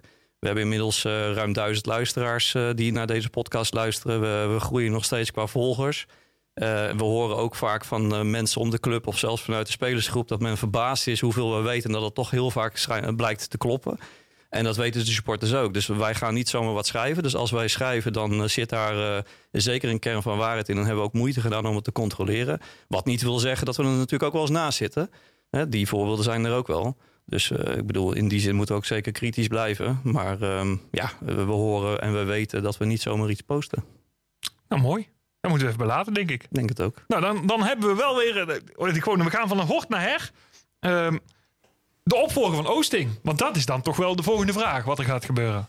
Ja, zeker. Er zijn al een aantal namen voorbij gekomen. VI bracht eh, onder andere Fraser en Reiziger en eh, Buis, geloof ik. Ja. En eh, volgens mij is Schreuder van Peck ook genoemd. Nou, Ja. ik kan je vast vertellen, die kan je, Ja. daar kan je een streep doorheen zetten. Dat geloof ik ook niet. Ehm, maar zal het zo'n trainer worden? Toch wel een eentje met, met een naam? Ja, nou kijk, dat is wel grappig. Want eigenlijk was eh, toen Grim wegging. eh wij hebben natuurlijk, of ik weet dat, eh, dat Frank in dit geval bewust heeft gekozen. Hè, toen was Mode nog niet. Die wilde bewust een, een zwaargewicht voor de groep hebben. Toen we nog dramatisch ergens onderin bungelden in de eerste divisie. Dat is toen gelukt met Grim. En eh, toen ging Grim natuurlijk weg. En dan, ja, toen had ik op dat moment ook wel zoiets van... nou, benieuwd met wat voor namen ze nu komen. Want we zijn een stuk verder dan een paar jaar terug. Ja. En toen kwamen ze ja, heel verrassend met een assistent van Vitesse op de proppen. Die, eh, waarvan wij bij wijze van spreken nog niet eens wisten dat hij überhaupt zijn diploma zat. En ehm, ja, dat is natuurlijk fantastisch uitgepakt. En als je dan nu weer gaat kijken naar de huidige situatie, ja, wil je dan dat ze voor een naam gaan? Of eh, dat ze weer met een verrassing komen waarvan ze weten: hey, dit is een, eh, een verrassend goede, talentvolle trainer. ja. Ja, dan opteer ik wel het laatste, eerlijk gezegd. Een naam maakt me niet zo heel veel uit. Eh, zonder op namen in te gaan, Yvonne, eh, zie jij liever op dit moment een, een trainer la Oosting die niemand kent, wat dat gezegd? Of zou jij eerder nu gaan met de plek waar RKC nu op staat met een naam zoals een Fraser of een Reiziger? Al, om mijn zin even af te maken, al valt Reiziger natuurlijk wel ook een beetje in die andere categorie. Want die heeft wel naam en die heeft het goed gedaan bij Jong Ajax, maar ook op het allerhoogste niveau natuurlijk nog, nog Nee, weinig dus dat- ervaring. Dat, zie ik toch wel als een talentvolle trainer die. eh, Ja, daar zou ik ook als talentvolle trainer zien inderdaad. ja, Nou, precies. Ik denk als je ehm RKC wil zichzelf heel graag zien als, als club die eh, talent ontwikkelt. En dat hebben ze natuurlijk de afgelopen jaren ook laten zien. En dat was vooral spelers. Hè. Je, je leidt spelers op en je verkoopt ze uiteindelijk. Dat zag je bij Meulensteen, Touba, eh, dat soort jongens. Ehm, maar dat zie je nu ook bij Oosting. Want dat is wat er gebeurd is. Het was zijn eerste club als hoofdtrainer. Ehm, hij heeft zich hier dusdanig in de kijker gespeeld... dat hij die transfer kan maken. Lukt dat nog een keer met iemand? Dat weet je natuurlijk niet. Dat is een risico dat Ja. je neemt. Ehm, ze gaan geen grof salaris voor een grote naam neerleggen, verwacht ik. Eh, omdat RKC zuinig is op het geld. Als in, ze ja. denken goed na over waar ze eh, geld in steken. En ik denk niet dat ze opeens ehm, ja, het, het dubbele van het salaris van Oosting gaan betalen, Nee. zeg maar. Ehm, ja, dan, dan zou ik ook denken, pak iemand die misschien wel als, ja, of als voetballer inderdaad een naam heeft, of, maar die je wel heeft laten zien in bijvoorbeeld in jeugdelftallen of in, eh, net zoals Oosting als assistent, Ehm, maar die dus ergens door moet kunnen groeien. Dan is RKC denk ik wel echt een goede club. En ja, er werd ook ergens een, een, Ramsey genoemd bijvoorbeeld, die nu bij Jong PSV is. Ja, Zeg maar zo iemand, die, ja, je weet het niet, maar kijk, Ehm, dat zijn allemaal namen, de- daar is echt 0,0 bevestiging, slaat nergens op. Maar dat zijn wel types die misschien ehm, ja, al- als, als eerste stap in een betaald voetbalclub. En dan, dan is RKC toch wel een hele fijne club om te beginnen, denk ik. En ja, dat denk ik. Ja. ja, dan kun je inderdaad een vrezen voor de groep zetten. Ja, dat, ja, dat kan. Dat is Ja. een keuze die je maakt. Kijk, maar- bij Vrezen moet ik persoonlijk zeggen eh, dat toen ik die naam hoorde, zeg maar. Ik weet ook niet wat er van waar is, zeg ik heel eerlijk. Eh, Nou, ja, om dat te bevestigen. Kijk, Chris Woods kwam daarmee. Ehm ik weet niet of iedereen Chris Woods kent. Dat is de man die heel vaak bij VI aan de bar zit. En daar heel veel eh, nieuwtjes brengt. De helft klopt en de andere helft is complete onzin vaak. Ehm, maar goed, daar, daar werd die naam door gedropt. ja, ik vond het de een, zaakwaarnemer van eh eh Fraser ontkent. Ontkend, ja. Ja. ja. Ik, zou, ik, vond ook, ik vind het een, een, een niet-RKC-keus. Voor mijn eerste gevoel in ieder geval. Nee, ja, kijk. Als je er objectief naar kijkt, dan zou je zeggen... Fraser is al een te grote naam voor RKC. Is hij trainer geweest bij Vitesse onder Allach trouwens? Dat we weten, want hij zat natuurlijk bij Vitesse. Er is wel een- Vitesse-connecties, die, die blijven maar komen. hè? Ja, Ja. er is een linkje. Ehm, kijk, en je zou zeggen dat Fraser natuurlijk een te grote naam is voor RKC. Alleen die heeft natuurlijk dat gedoe gehad bij, eh, bij Utrecht eh, vorig jaar. Ehm, waardoor, als je er zo naar kijkt... Kijk, we hebben spelers met een krasje. Dan zou een trainer met een krasje natuurlijk ook kunnen. Dus 1 en 1 is op die manier wel 3.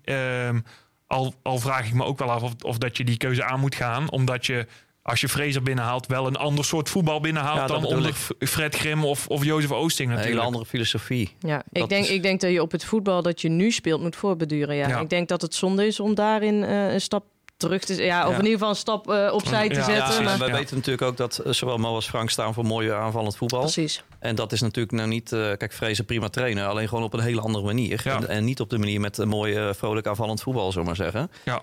Ehm, plus inderdaad ook niet een talentvolle trainer die uit het niets komt... die je mee helpt opleiden, wat natuurlijk wel past bij de opleidingsclub eh, die we zijn. Dus ja, ik zou dat onlogisch vinden. En Dick Schreuder, ja, die gaat echt niet komen. En ik snap ook wel waarom het geroepen wordt. Want ook daar zit natuurlijk de link in met eh, Vitesse-assistent. eh, ja. Ook in de tijd van Allach. En natuurlijk een oud RKC-speler.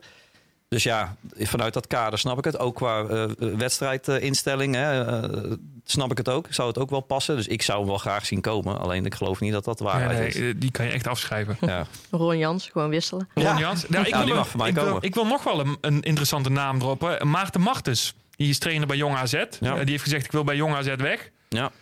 Dat zou voor mij betreft wel zo'n naam kunnen zijn Ja. à la Oosting. Ja, helemaal precies. eens. Zo iemand zou kunnen. Ja. ja. Eh, maar goed, we gaan het En zien. kent de club natuurlijk. Ja, nee, Aanvallend zeker. voetbal. Hè. AZ goede school gehad. Dus eh, ja, we gaan het zien. klinkt interessant. Zeker, ongetwijfeld binnenkort meer. Ehm, gaan wij door naar het contractnieuws. Want dat was er ook nog eh, in de tijd dat we er niet waren.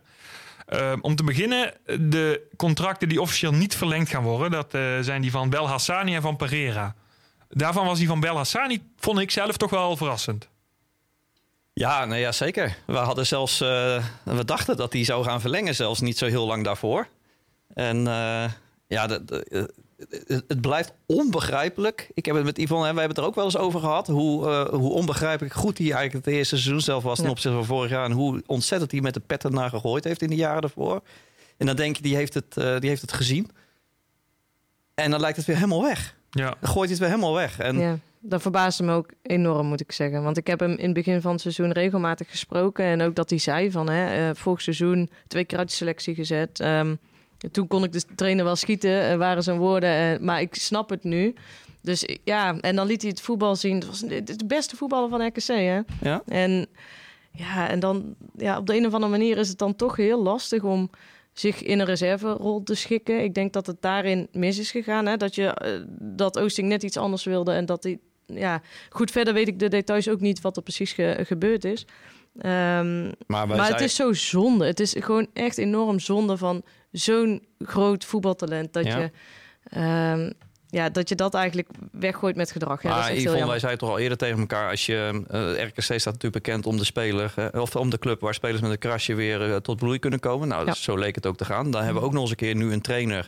die ja, veel menselijk empathischer ga je ze niet krijgen dan hij. En veel eerlijker. Hè? We hebben ook de woorden van Bellassani zelf over Oosting gehoord. eh, ook op tv bij ESPN en dergelijke. Hoe eerlijke man. En, en als je het niet voor elkaar krijgt... terwijl je net het licht weer had gezien... om dit vol te houden bij een club als RKC... Bij, onder een trainer als Oosting... als je het daar niet voor elkaar krijgt... eh, om, om gewoon gemotiveerd serieus met je vak om te blijven gaan... ja, waar dan nog wel? Ja, dat weet ik ook niet. Daar maar- ben ik ook heel benieuwd naar. ja nee eens. Eh, al is de doodsteek voor Bella Hassani bij RKC natuurlijk wel de komst van Seuntjes geweest. Jawel, maar goed, dan is het nog weer de vraag... hoe Dan ga is je het, daarmee ga om? ermee om. Klopt. Alleen kijk, ehm, voor de winterstop was Bella Hassani veruit de belangrijkste speler. Ja. Eh, na de winterstop werd het al wat minder, maar Hij heeft het feitelijk zelf verkloot met die eerste rode kaart. Ja. En die tweede was dan wat eh, lulliger Ja. voor hem. En, maar de wedstrijden daarna heeft hij ook gewoon als een... eh, tegen PSV bijvoorbeeld speelde hij volgens mij nog wel aan de basis. Was, Ja. het, was het ook echt helemaal niks. nee, nee, klopt. Nee, maar ja, zo kun je een wedstrijd eh ertussen hebben zitten. Daarop zou Oosting niet meteen nee, eh, niet aan uit de de kant selectie halen. zetten. Nee. Of uit de selectie zetten, nee. En ja, ik heb ook met Oosting daarover gesproken. En hij zei, ja, je weet dat ik veel kan hebben. Ja, Dus het is Ja, wel dan- echt misgegaan. daar moet iets heftigs gebeurd Ja. zijn, inderdaad. Ehm, en Pereira, eh, Ja. die we eigenlijk, toen hij kwam, had ik er heel veel van verwacht. Eigenlijk hebben we er totaal niks van gezien. Eh, beetje. Ja, het is ook vervelend voor hem natuurlijk dat hij met die rugblessure zo lang gezeten al vind ik wel dat ook nu, als je hem nu ziet dit seizoen, gaat hij met zijn rol wel heel goed om volgens mij. Ja. Ja, de- hij is die rol wel gewend natuurlijk. Ja, ja, ook wel. Nee, maar ik kan me niet voorstellen dat toen hij kwam, dat hij gedacht Nee. heeft, ik ga twee jaar op de bank zitten in Waalwijk. Dat niemand, denk ik. Nee, daarom. Eh, Etienne ook niet hoor, denk nee, ik. dat denk ik ook niet, nee. Die, had, en die was in principe natuurlijk ook tweede keeper eh, op een gegeven moment. Ja, Ja. hij had die strijd net verloren natuurlijk. Dus ja, goed. En toen eh, raakte Pereira geblesseerd. Ja, daar had hij een beetje geluk mee. Ja, en dan keept hij zelf de sterren van de hemel. Ja, zo, maar dat is grappig, hè? Want hetzelfde geld was hij naar Rode gegaan in die tijd. Dan Ja. had hij in de eerste divisie ergens gebivakkeerd. En dan had hij een paar jaar nog profvoetbal eh, gespeeld. ja. En daarna bij GVV in de, in het eh, tweede divisie gespeeld. En nu kan hij komend seizoen naar een veel grotere club. Ja. Zo kan het lopen. Maar het is toch op zich niet heel opvallend dat ze Pereira niet verlengen. Nee, ik denk terecht, want het zal ook niet een goedkope jongen zijn. Precies, precies. En eh, ja, Hij moet ook gewoon ergens gaan keepen. Want Ja. het is echt geen slechte keeper. kijk, het Nee. enige is misschien een beetje als Etienne echt weg zou gaan. Dan heb je wel twee goede keepers Daar, nodig. daar verbaasde ik me eigenlijk nog meer over. Dat hij meteen is opgezegd. Want je kunt ook zeggen van... we kijken het nog even aan, net zoals bij, die andere jongens Mhm. gedaan hebben. En dat had ik eigenlijk... want daarom verbaasde mij de naam Pereira... meer dan Bellassani nog... vanwege het, de, wat er de week daarvoor eh, gebeurd is. Ehm, omdat ik ook dacht van ja... eh Vase keept zo goed... Ja, dat, daar ga je toch vanuit. Die gaat nog een keer een stap willen maken. En dan heb je dus geen enkele keeper meer. Nee, maar van de andere kant hebben ze natuurlijk nu wel twee jaar gezien wat Pereira kan. Ja, dat Ehm. En voor het salaris wat hij verdient. En zoals Ja, ze dat daaruit geconcludeerd hebben, dit gaat hem niet worden. Want voor dat salaris kunnen we een betere keeper halen. Te Ja. weinig Waarschijnlijk, overtuigend ja. geweest waarschijnlijk toch. Ook, ook regelmatig in de, in de kansen die hij kreeg. Hè, daar heeft hij best wel aardig partijtjes gespeeld. Maar ook wel regelmatig... eh, Ja, het is wel lullig dat hij net tegen NEC eh, een potje mocht keepen natuurlijk. ja, dat was de doodsteek natuurlijk. Ja. Hey, in datzelfde bericht eh, werd bekend dat Hans Mulder eh, een einde aan zijn carrière maakt. ja. Eh, over een clubicoon gesproken. Daar kunnen we het nu heel lang over hebben. En daar gun ik hem ook van harte. Maar ik denk dat we daar in een latere podcast nog uitgebreider op terug gaan komen. Toch, Bram? Nodig hem een keertje uit, zou ik zeggen. ja, dat is eigenlijk wel leuk. Ja. Daar zijn we, eh, zijn we lichtelijk mee bezig. Ja, ja, ja. Ehm, nou, een paar dagen eerder werd bekend dat eh, ehm, Kramer eh, twee jaar verlengd heeft. Dat is alleen maar mooi nieuws, toch? Ja, fantastisch nieuws. Dat, eh, kijk, ik weet dat Melle me ook bij Vitesse eh, wil hebben, zeg maar. Die, eh, dat is meerdere keren genoemd afgelopen jaar. Van, dat is precies iemand die we hier nodig hebben, zo slim. En, dus ik was er zelf nog wel bang voor dat hij misschien na dit seizoen zo'n stap zou gaan zetten. Ja. Maar eh, ik denk dat dit een typisch voorbeeld is van een, eh, een speler die eh, bij Volksclub gespeeld heeft en weet wat daarbij komt kijken. Wat heel leuk is, maar ook wat de mindere kant is.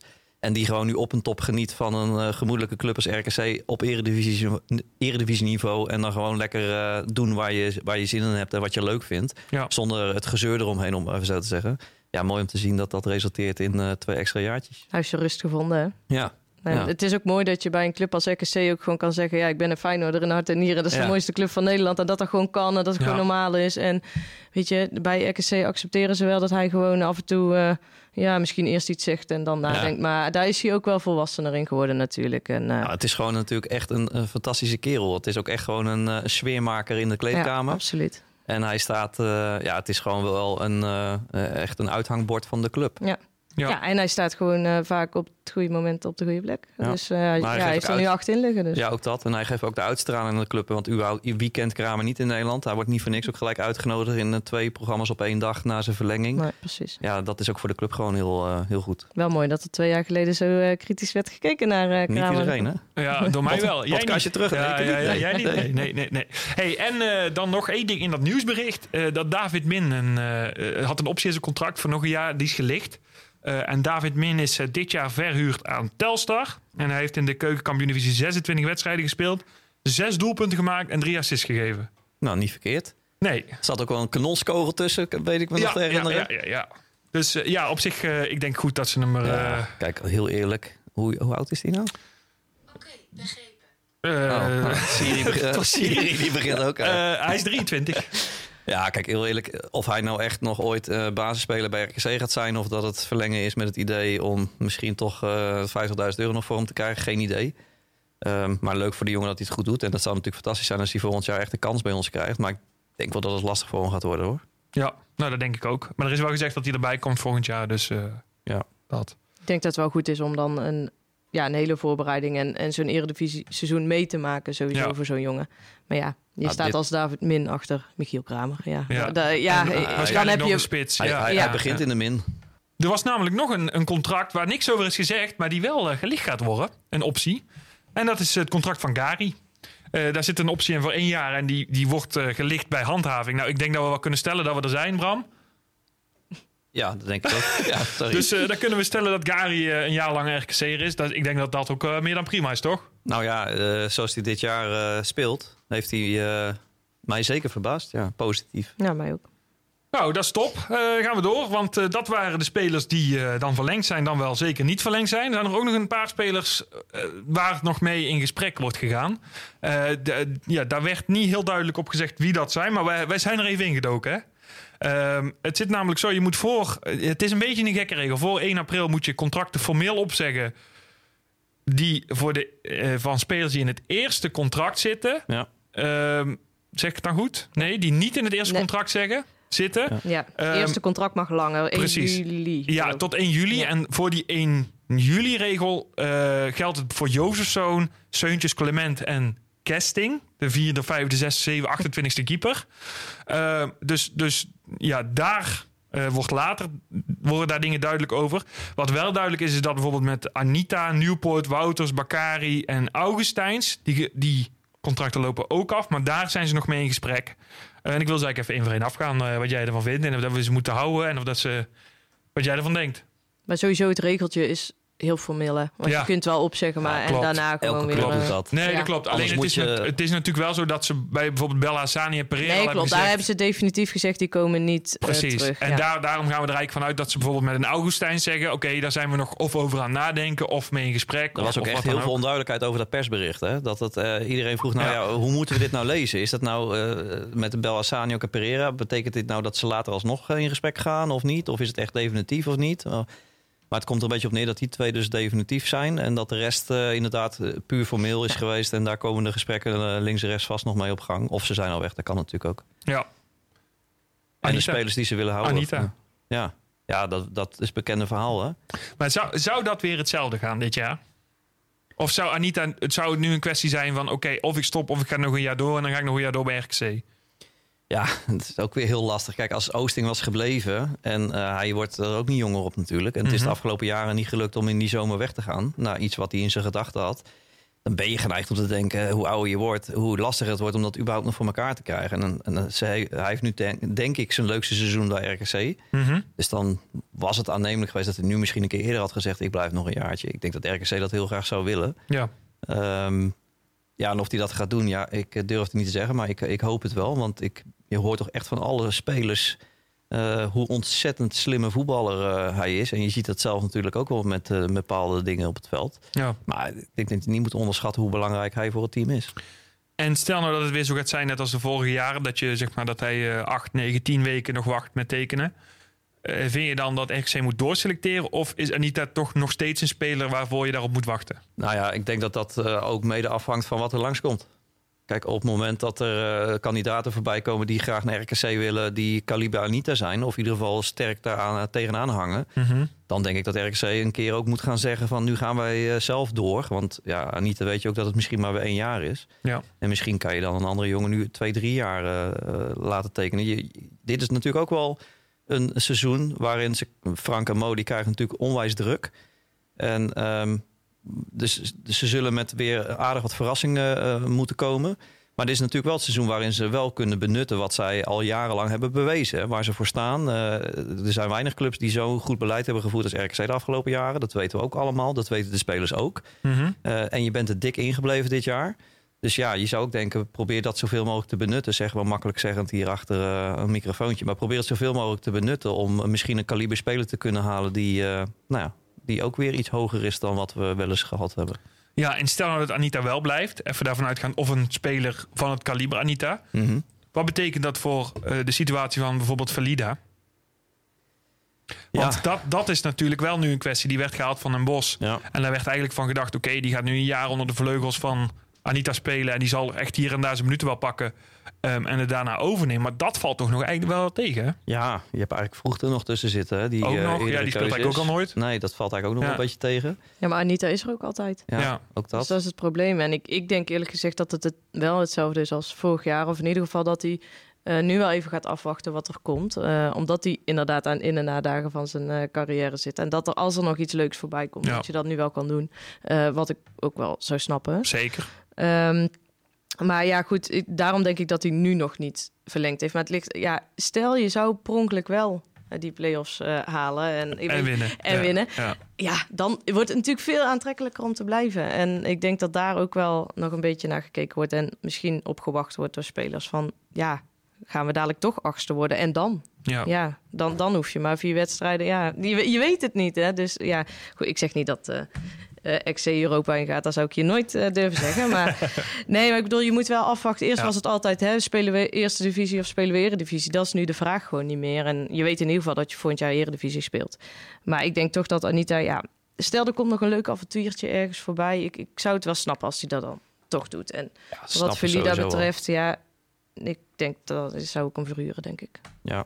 Valida bedoel je? Ja. ja. Nou ja, als je volgend jaar met Anita weer zit en je hebt inderdaad ook nog een vroeg eh, rondlopen, dan wordt het denk ik voor Valida een lastig verhaal, ja. Ja, en dat zou ook gewoon vervelend zijn eh, als hij helemaal niet speelt. Dus nee, die, ja, die Maar zou ik dan verhuren. ja. Er was natuurlijk dit jaar ook een optie, ook in de winter nog, voor Valida om verhuurd te worden. Toen hebben ze bewust gekozen om hem bij te houden. Ja. Dus vandaar dat ik het gewoon wel een interessante verhaal Ja, vind. nou ja, omdat Ja. Je, je hebt, kijk, eh, als je kijkt naar de selectie van dit jaar, dan heb je natuurlijk vooral het zwaartepunt voorin zitten. Ja. En op middenveld eh, heb je eh, hele goede voetballers rondlopen, waar een aantal ook beter zijn dan vorig jaar. Maar de spoeling op middenveld is wel aanzienlijk dunner. Ja. En ja, als je dan een verlieder laat vertrekken, dan heb je niet zo heel veel achter de hand. Je hebt een Augustijns nog en je hebt een Vroeg nog, maar dan houdt het wel een beetje op, zeg maar. ja, dat is waar. En ja. ja. ja, dus dat zou er misschien ook nog de, een reden geweest kunnen zijn afgelopen winter.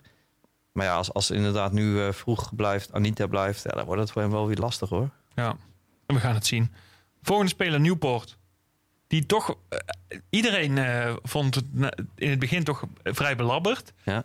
En nu heeft hij dit jaar een paar keer ingevallen en eigenlijk heeft hij geen fout gemaakt. Nee, maar ik denk dat je bij Nieuwpoort moet snappen wat zijn rol Ja, is. precies. Kijk, je moet niet denken dat RKC hem haalt omdat ze denken dat het een potentiële basisspeler is. Hè, het verrassen kan altijd, maar dat zal niet het uitgangssituatie zijn. Als je kijkt, hij heeft gewoon bepaalde kwaliteiten. Dat als hij moet spelen, dan staat hij er. En hij heeft gewoon een onwijs goede mentaliteit. Ja. Hij zeurt niet, hij, is, eh, hij doet zijn ding. Het is een, eh, ook in de groep wel een aardige sfeermaker. Eh, het is een coachende speler achterin. Ehm, ja, gewoon heel waardevol. En het is ook niet de duurste jongen natuurlijk financieel gezien. En RKC heeft natuurlijk een relatief klein budget, wat we allemaal weten. Dus je kunt een aantal hele dure jongens misschien aantrekken. Maar daar staat tegenover dat je ook een, een aantal mensen in je selectie moet hebben... die dan wat minder prijzig zijn. Dus ik denk dat hij ook, ook op dat vlak voor een hele mooie balans eh, zorgt. Dus jij zegt verlengen die handel. En wat mij betreft wel, ja. Ja. Wouters. Ja, Wouters. Ja, eh, Dat vind ik wel een, een van de lastigste, ja, denk is, ik. is ook wel lastig. Kijk, geldt een beetje hetzelfde voor. Een jongen die natuurlijk heel graag wil en ook altijd echt als zijn stinkende best doet. Ja, die ook wel gewoon bepaalde kwaliteiten tekort komt. Dat eerlijk is eerlijk. Ehm, als je hem erbij hebt als tweede, derde keus en hij pakt zijn wedstrijdjes mee zoals nu vaak het geval is. Ja, en ook die jongen zal niet de duurste zijn. Dan hoef je, dan hoef je hem niet te laten gaan. Maar het is natuurlijk ook niet die jongen die eh, ons in de Eredivisie gaat houden. Ik, Ja. denk, ik denk dat hij eh, eh, een jongen is die naar een eerste divisieclub moet. Dat denk ik ook. Want daar kan hij spelen, daar kan hij... eh, ik denk dat hij dat niveau wel echt gewoon prima aan kan. Mhm. Maar ik denk dat de Eredivisie gewoon net een stapje te hoog is. En ja, dat hij startte tegen Feyenoord, daar begreep ik Nee. echt helemaal niks Nee, van. nee. Ehm, Maar is dit niet een speler wat nou eigenlijk gewoon heel goed zou zijn om die gewoon eens een keer in de eerste divisie aan het werk te zien? ja, gewoon precies. Elke week, nou, dat vind ik ook echt. ook hij werkt, inschatten. hij werkt keihard. Ja, en ik denk ook echt dat hij... Ja, hartstikke aardige jongen. En eh, nee, ja, ik, ik denk oprecht dat hij het e- eerste divisie niveau echt prima aan kan. En dan kan hij spelen. En, dan, Ja, en hier bij RKC speelt hij toch niet. Nee. Dus dat, dat vind ik dan zo zonde voor zo'n, voor zo'n jongen eigenlijk die nog ja, gewoon jong genoeg is om, om wel nog even lekker eh, een aantal jaren te kunnen voetballen. Ja, eens. En ik denk ook dat hij voor een type is, maar dat vul ik puur persoonlijk in. Die wel, eh, de een is wat gevoeliger voor druk en voor, eh, voor- van buitenaf. En ik denk dat hij ook een vrij gevoelige jongen daarin is. Eh, wat eerder onzeker daar ook in is. En dat zal hem niet helpen op het moment dat hij op het veld staat. Dus misschien als hij in de eerste divisie kan ballen, voor wat minder eh, toeschouwers, gewoon lekker zijn basisplaats, zich echt een basisspeler voelt. Ja. Dat hij met veel meer vertrouwen staat te spelen, waardoor je misschien wel een hele andere Wouters. en dan eh, kun je, kan hij zich ontwikkelen misschien, Ja. waardoor hij alsnog weer de stap Ja. naar de Eredivisie kan maken. Maar ik denk dat dit net, net te snel kwam of zo. Ik weet het niet. Ik denk dat hij de tussenstap had moeten hebben, ja. Ja, en, en, en misschien Nou ja, dan hij heeft gewoon, jaar kijk, hij heeft vorig jaar natuurlijk veel gespeeld, omdat Buutner er geregeld uit lag. Ja. Ehm, en je ziet nu, kijk, Lutonda had ook een periode dat hij eigenlijk een beetje, dat iedereen dacht hij mist eh, de kwaliteit. En je ziet nu Lutonda zeg maar een heel seizoen speelt, dat hij wel aan lijkt te haken bij het niveau. En je ziet dat Wouters net, wat Yvonne al zegt, af lijkt te haken op dit niveau in ieder geval. In ieder geval bij een middenmotor in de eredivisie. Nou, wat wel opvallend is, is natuurlijk dat hij vorig jaar leek die tweede keuze achter Buutner te zijn. En, Ja. en eh, de pyjama eh, ja, ja. van ons, die, die Lutonne, die, dacht, die was echt derde keus vorig jaar. Ja. En die heeft echt dit jaar wel de stap gezet naar eh, basis. Terwijl je, ja, en, en, Luc komt er eigenlijk amper aan te pas. Ja. Dat is best opvallend eigenlijk, die, Zeker. rol, die, die veranderingen in rollen. Ja. Ja. Maar Luton heeft zich ook echt laten zien in eh, positieve opzicht, moet ik Zeker, zeggen. ja. Ja. Heel goed. Ehm, dan een speler die ons allemaal wel denk ik een beetje aan het hart gaat. Bakari. Ja, Die al heel lang eh, bij RKC zit. Ook de, de opmars helemaal mee heeft gemaakt. Ehm, en zijn contract is ook geloof ik 28 keer verlengd. Maar hij loopt nu echt af. Ehm, en hij is nog in gesprek. We weten onder andere dat, dat Sparta ook geïnteresseerd is in hem. Eh, die volgen hem ook. Eh, ja, wat vind je ervan? eh? ik kwam Een- maar een RKC ik- kwam RKC even doorpassen naar Yvonne. Die Ja. zit er zo lief uit te lachen. Een RKC zonder Ba- Bakari in ieder geval. Bakari, Bakari is gewoon echt een ontzettend positief ingestelde Ja. jongen. Ja. Eh, heeft natuurlijk altijd alles gespeeld en is dit seizoen eh, op de bank terechtgekomen. Maar je hoort hem echt nooit klagen, nooit. En ja. Ja. dat vind ik gewoon heel knap. En altijd vrolijk als je hem tegenkomt. Eh, altijd, altijd een praatje. Altijd. Dus ik denk dat iedereen hem een plek gunt waar hij op, gewoon lekker op zijn plek is, waar hij kan voetballen. En dat het gewoon enorm zonde is dat hij dit jaar zoveel Zeker. op de bank zit. En eh, kijk, het is niet dat ik de keuze van de trainer in dat opzicht niet snap. En maar hij kan gewoon op zoveel plekken dat dat misschien een beetje een nadeel voor hem is geworden of zo. Dat hij op zoveel plekken Ja. is ingezet dat Ja, hij niet wat- wat- één positie heeft. Ja, wat is zijn echte positie Ja, inderdaad? ja, dan zou ik zeggen dat hij een buitenspeler is. Maar ja, goed. Ik, ja, maar als back is hij, dan maakt hij ook foutjes. Dus Ah, en daar heb je nu Lelyveld die gewoon... Ja, is nee, ik, zou, draait. nee, hij zou altijd achter Lelyveld komen, Ja. inderdaad. Maar ik zou hem als buitenspeler is hij eh, als, als invaller, nu wat nu vaak gebeurt. ehm, ja, dan, dan kan hij echt nog wel leuke dingen laten zien. Ehm, nee, ik, ik gun hem van harte een plek waar hij waar die lekker kan voetballen. Ja. Kijk, het ding is met Bakari RKC natuurlijk geweest... dat hij op alle posities die hij gespeeld heeft... Op de tien, hè? eh, op 10, ja, de- goed, nou, daar heb ik nog nachtmerries van. Ehm, maar normaal gesproken was het tot aan dit seizoen... dat hij op elke positie die hij speelde, was hij vaak de beste. Ja. En dit jaar hebben we zo'n selectie dat hij dat niet meer is. Want wat je zegt, je hebt Lelyveld en je hebt Lutonda die het aan de andere kant heel goed doet. En voorin heb je ook eh, genoeg aanvallers die ja, van het kaliber zijn ja, dat Bakari daar gewoon achter zit. Ehm, en wat dat betreft kan ik alleen maar bij jou aanhaken, Yvonne, dat ik hem van harte gun dat hij ergens naartoe gaat waar hij lekker kan spelen. Ehm, en als dat Sparta gaat zijn, joh, dan gun ik hem dat van harte. Ja, sowieso. Kijk, aan de andere kant van mij mag hij ook met alle liefde Ja, als hij blijven. blijft, dan heel graag. Alleen, ik, ja, ik, zou, ik zou het hem van harte gunnen. Maar het gekke is wel inderdaad, als je nou echt bij hem nadenkt, denk je, ja, rechtsback, ja, aardig, maar nee, eigenlijk niet. Rechtsbuiten, nou, eigenlijk ook niet, want hij heeft geen goede voorzet en hij heeft ook niet echt die actie om de mannen voorbij te gaan. Nou, soms wel opeens. Hè. Dan, dan lijkt het Ja. dat hij even denkt dat hij bij Barcelona speelt. Dat is echt fantastisch. Ja. Dan heeft hij, dan heeft hij zo'n leuke actie. Ja, Eh, speelt hij opeens drie mannen voorbij en dan denk je, hè? En daarna is het ook weer, eh, weer klaar. Maar nee, ja, goed, hij kan, echt, hij kan je opeens verrassen of zo. En dat vind ik altijd wel leuk aan Bakari. En hij is gruwelijk snel. Ja, ja, dat is waar. En inderdaad gewoon een, een jongen met de juiste mentaliteit. Hè? Dus die gun je het sowieso altijd al wel. Ja, maar is in de groep ook heel belangrijk, hè? Want eh, als, als je allemaal jongens hebt die gaan lopen zeuren als ze op de bank terechtkomen of wat dan ook, dan, dan wordt die sfeer daar ook niet beter van. En jongens als Bakari heb je denk ik echt wel nodig eh, Ja. in de groep. Ja. De vraag is alleen, wil hij zelf natuurlijk zo'n seizoen eh, kan gebeuren, hè, wat hij nu heeft. Ja. Maar er is wel een verschil tussen een keer een jaar dit accepteren. Ja. Of een keuze maken om volgend jaar eenzelfde jaar eventueel tegemoet te gaan. Nee, precies. Nee, hij zegt zelf ook inderdaad dat eh, iedere voetballer heeft wel eens zo'n momenten. En daar moet ik mee omgaan. En eh, ja, dat is wat ik het beste probeer te doen. Ehm, maar ik denk ook wel dat hij, eh, hij... Hij heeft gesprekken gewoon bij RKC. Maar ook, hij kijkt ook wel naar andere clubs. Hij wil gewoon kijken wat de beste optie is. en dat is logisch, denk Ja. ik. Ja. Denk ik ook. Ehm, Augustijns, die hebben we ook nog. Ja, Ja, die heeft natuurlijk ook pech gehad met die blessure. Hè? Met die zware blessure. Die er lag er een jaar uit volgens mij. Ja, die Ja. beenbreuk. Ja, Ja, eh, ik, ik zie Ruben hem nog wegdragen. ja daar zijn er Ehm, foto's van. Ja, ja precies.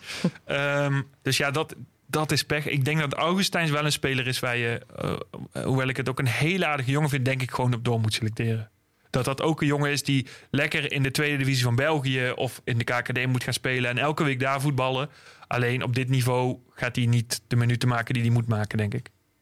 nou ja, ik denk dat het een beetje het verhaal Luc Wouters is. Ja. Hem, is je zou hem eigenlijk ook gewoon eens een seizoenetje ergens in de eerste divisie moeten Precies. zien. Dat hij zijn wedstrijden maakt en eh, dat je gewoon wat beter kan zien wat hij dan over een langere periode doet op het veld. Dat is nu eigenlijk gewoon niet in te schatten. Aan de andere kant zou je hem ook weer onder een Nieuwpoort kunnen scharen. Goeie gozer die, het, eh, die er altijd voor gaat als hij moet spelen. Nou, als hij invalt, maakt hij ook niet echt fouten of Nee, zo. dat klopt, je, je, dat kunt, klopt. je kunt hem, ja, het is ook niet dat hij uitblinkt, maar hij maakt geen, niet echt fouten. Nee, klopt. Dus in die zin, en, en ook dat is natuurlijk een jongen die niet de duurste is om, om erbij te hebben.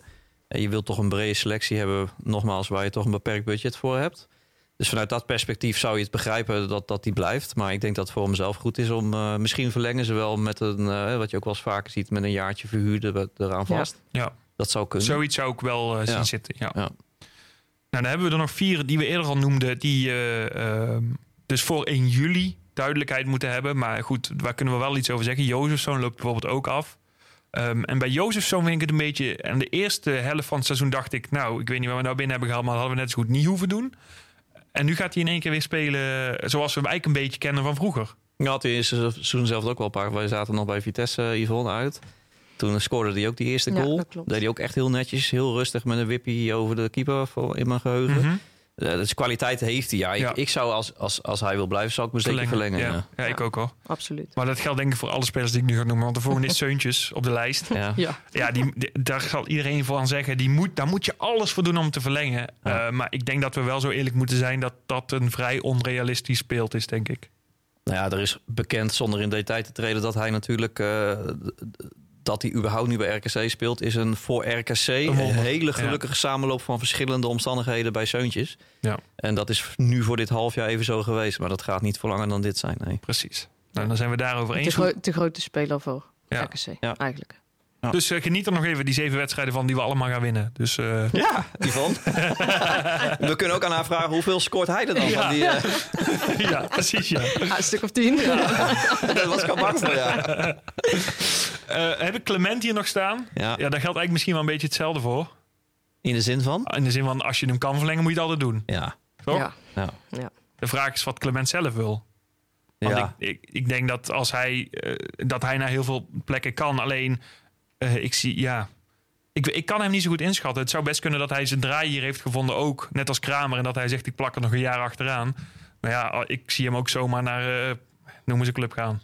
Ja, Nou, ik zie hem ook niet zo snel naar een echt een veel betere club gaan eigenlijk, hoor. Nou, gewoon net iets hoger. net iets hoger. Kan die wel aan, Ja. maar of dat nou echt gaat gebeuren...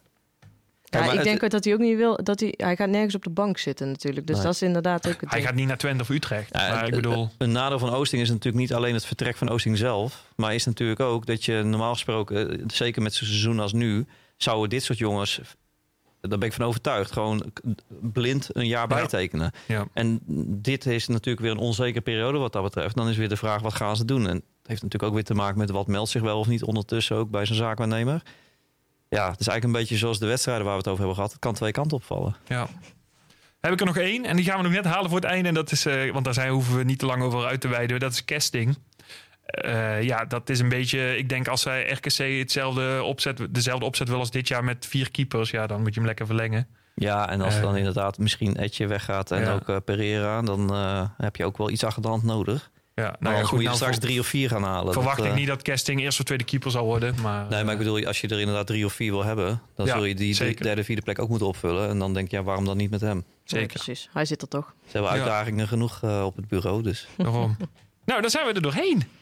Snel gegaan de tweede Snel uur. gegaan. Ja, Ja. maar dat komt dat ik Lucas zo snel wegdrukte. dan gaat het snel ineens natuurlijk. Hey Yvonne, eh, opnieuw heel erg bedankt dat je aan wilde schuiven. Ja, graag gedaan. vonden ik vond het in ieder geval heel gezellig. Zeker. Ik hoop dat je binnenkort weer eh, een keer aanwezig bent. Wij zijn er weer op 11 mei. Een paar wedstrijdjes en dan eh, zijn we er weer. En dan gaan we het gewoon weer allemaal opnieuw doen. Welke wedstrijden hebben we eigenlijk eh, daarna nog, na 11 mei? Na 11 mei Oh, hebben we... Utrecht uit, Twente Utrecht- thuis ja. en Cambuur uit. Dus dan hebben we nog drie potjes. Ja, dus... eh, dus dan weten we in ieder geval wel of plaats 8 nog haalbaar is... of dat het gewoon drie potjes Ja, en dan- uitzingen wordt. en dan kunnen we al een balans of maken of dat Yvonne het staatslot gaat kopen of niet. Ja. Ja. Dus eh, Ik ben benieuwd. nee, we zijn, eh, waar zijn we allemaal te vinden, Bram? Mag jij het deze maand een keer doen? Nou, eh, Facebook volgens mij. Facebook? Ja, Twitter. Ja? En eh, Instagram. Ja? En eh, via de app. Ja, ook En overal. daar kunnen ze ons ook op bereiken. RKC.nl. En op Langstraat FM. Ja, la- overal. Dus eh, ja, laat je vooral horen. En we zijn altijd eh, heel benieuwd naar feedback. Voor nu bedankt voor het luisteren en eh, tot volgende maand. Houdoe. Eh, doei doei. Bedankt voor het luisteren. Tot de volgende keer.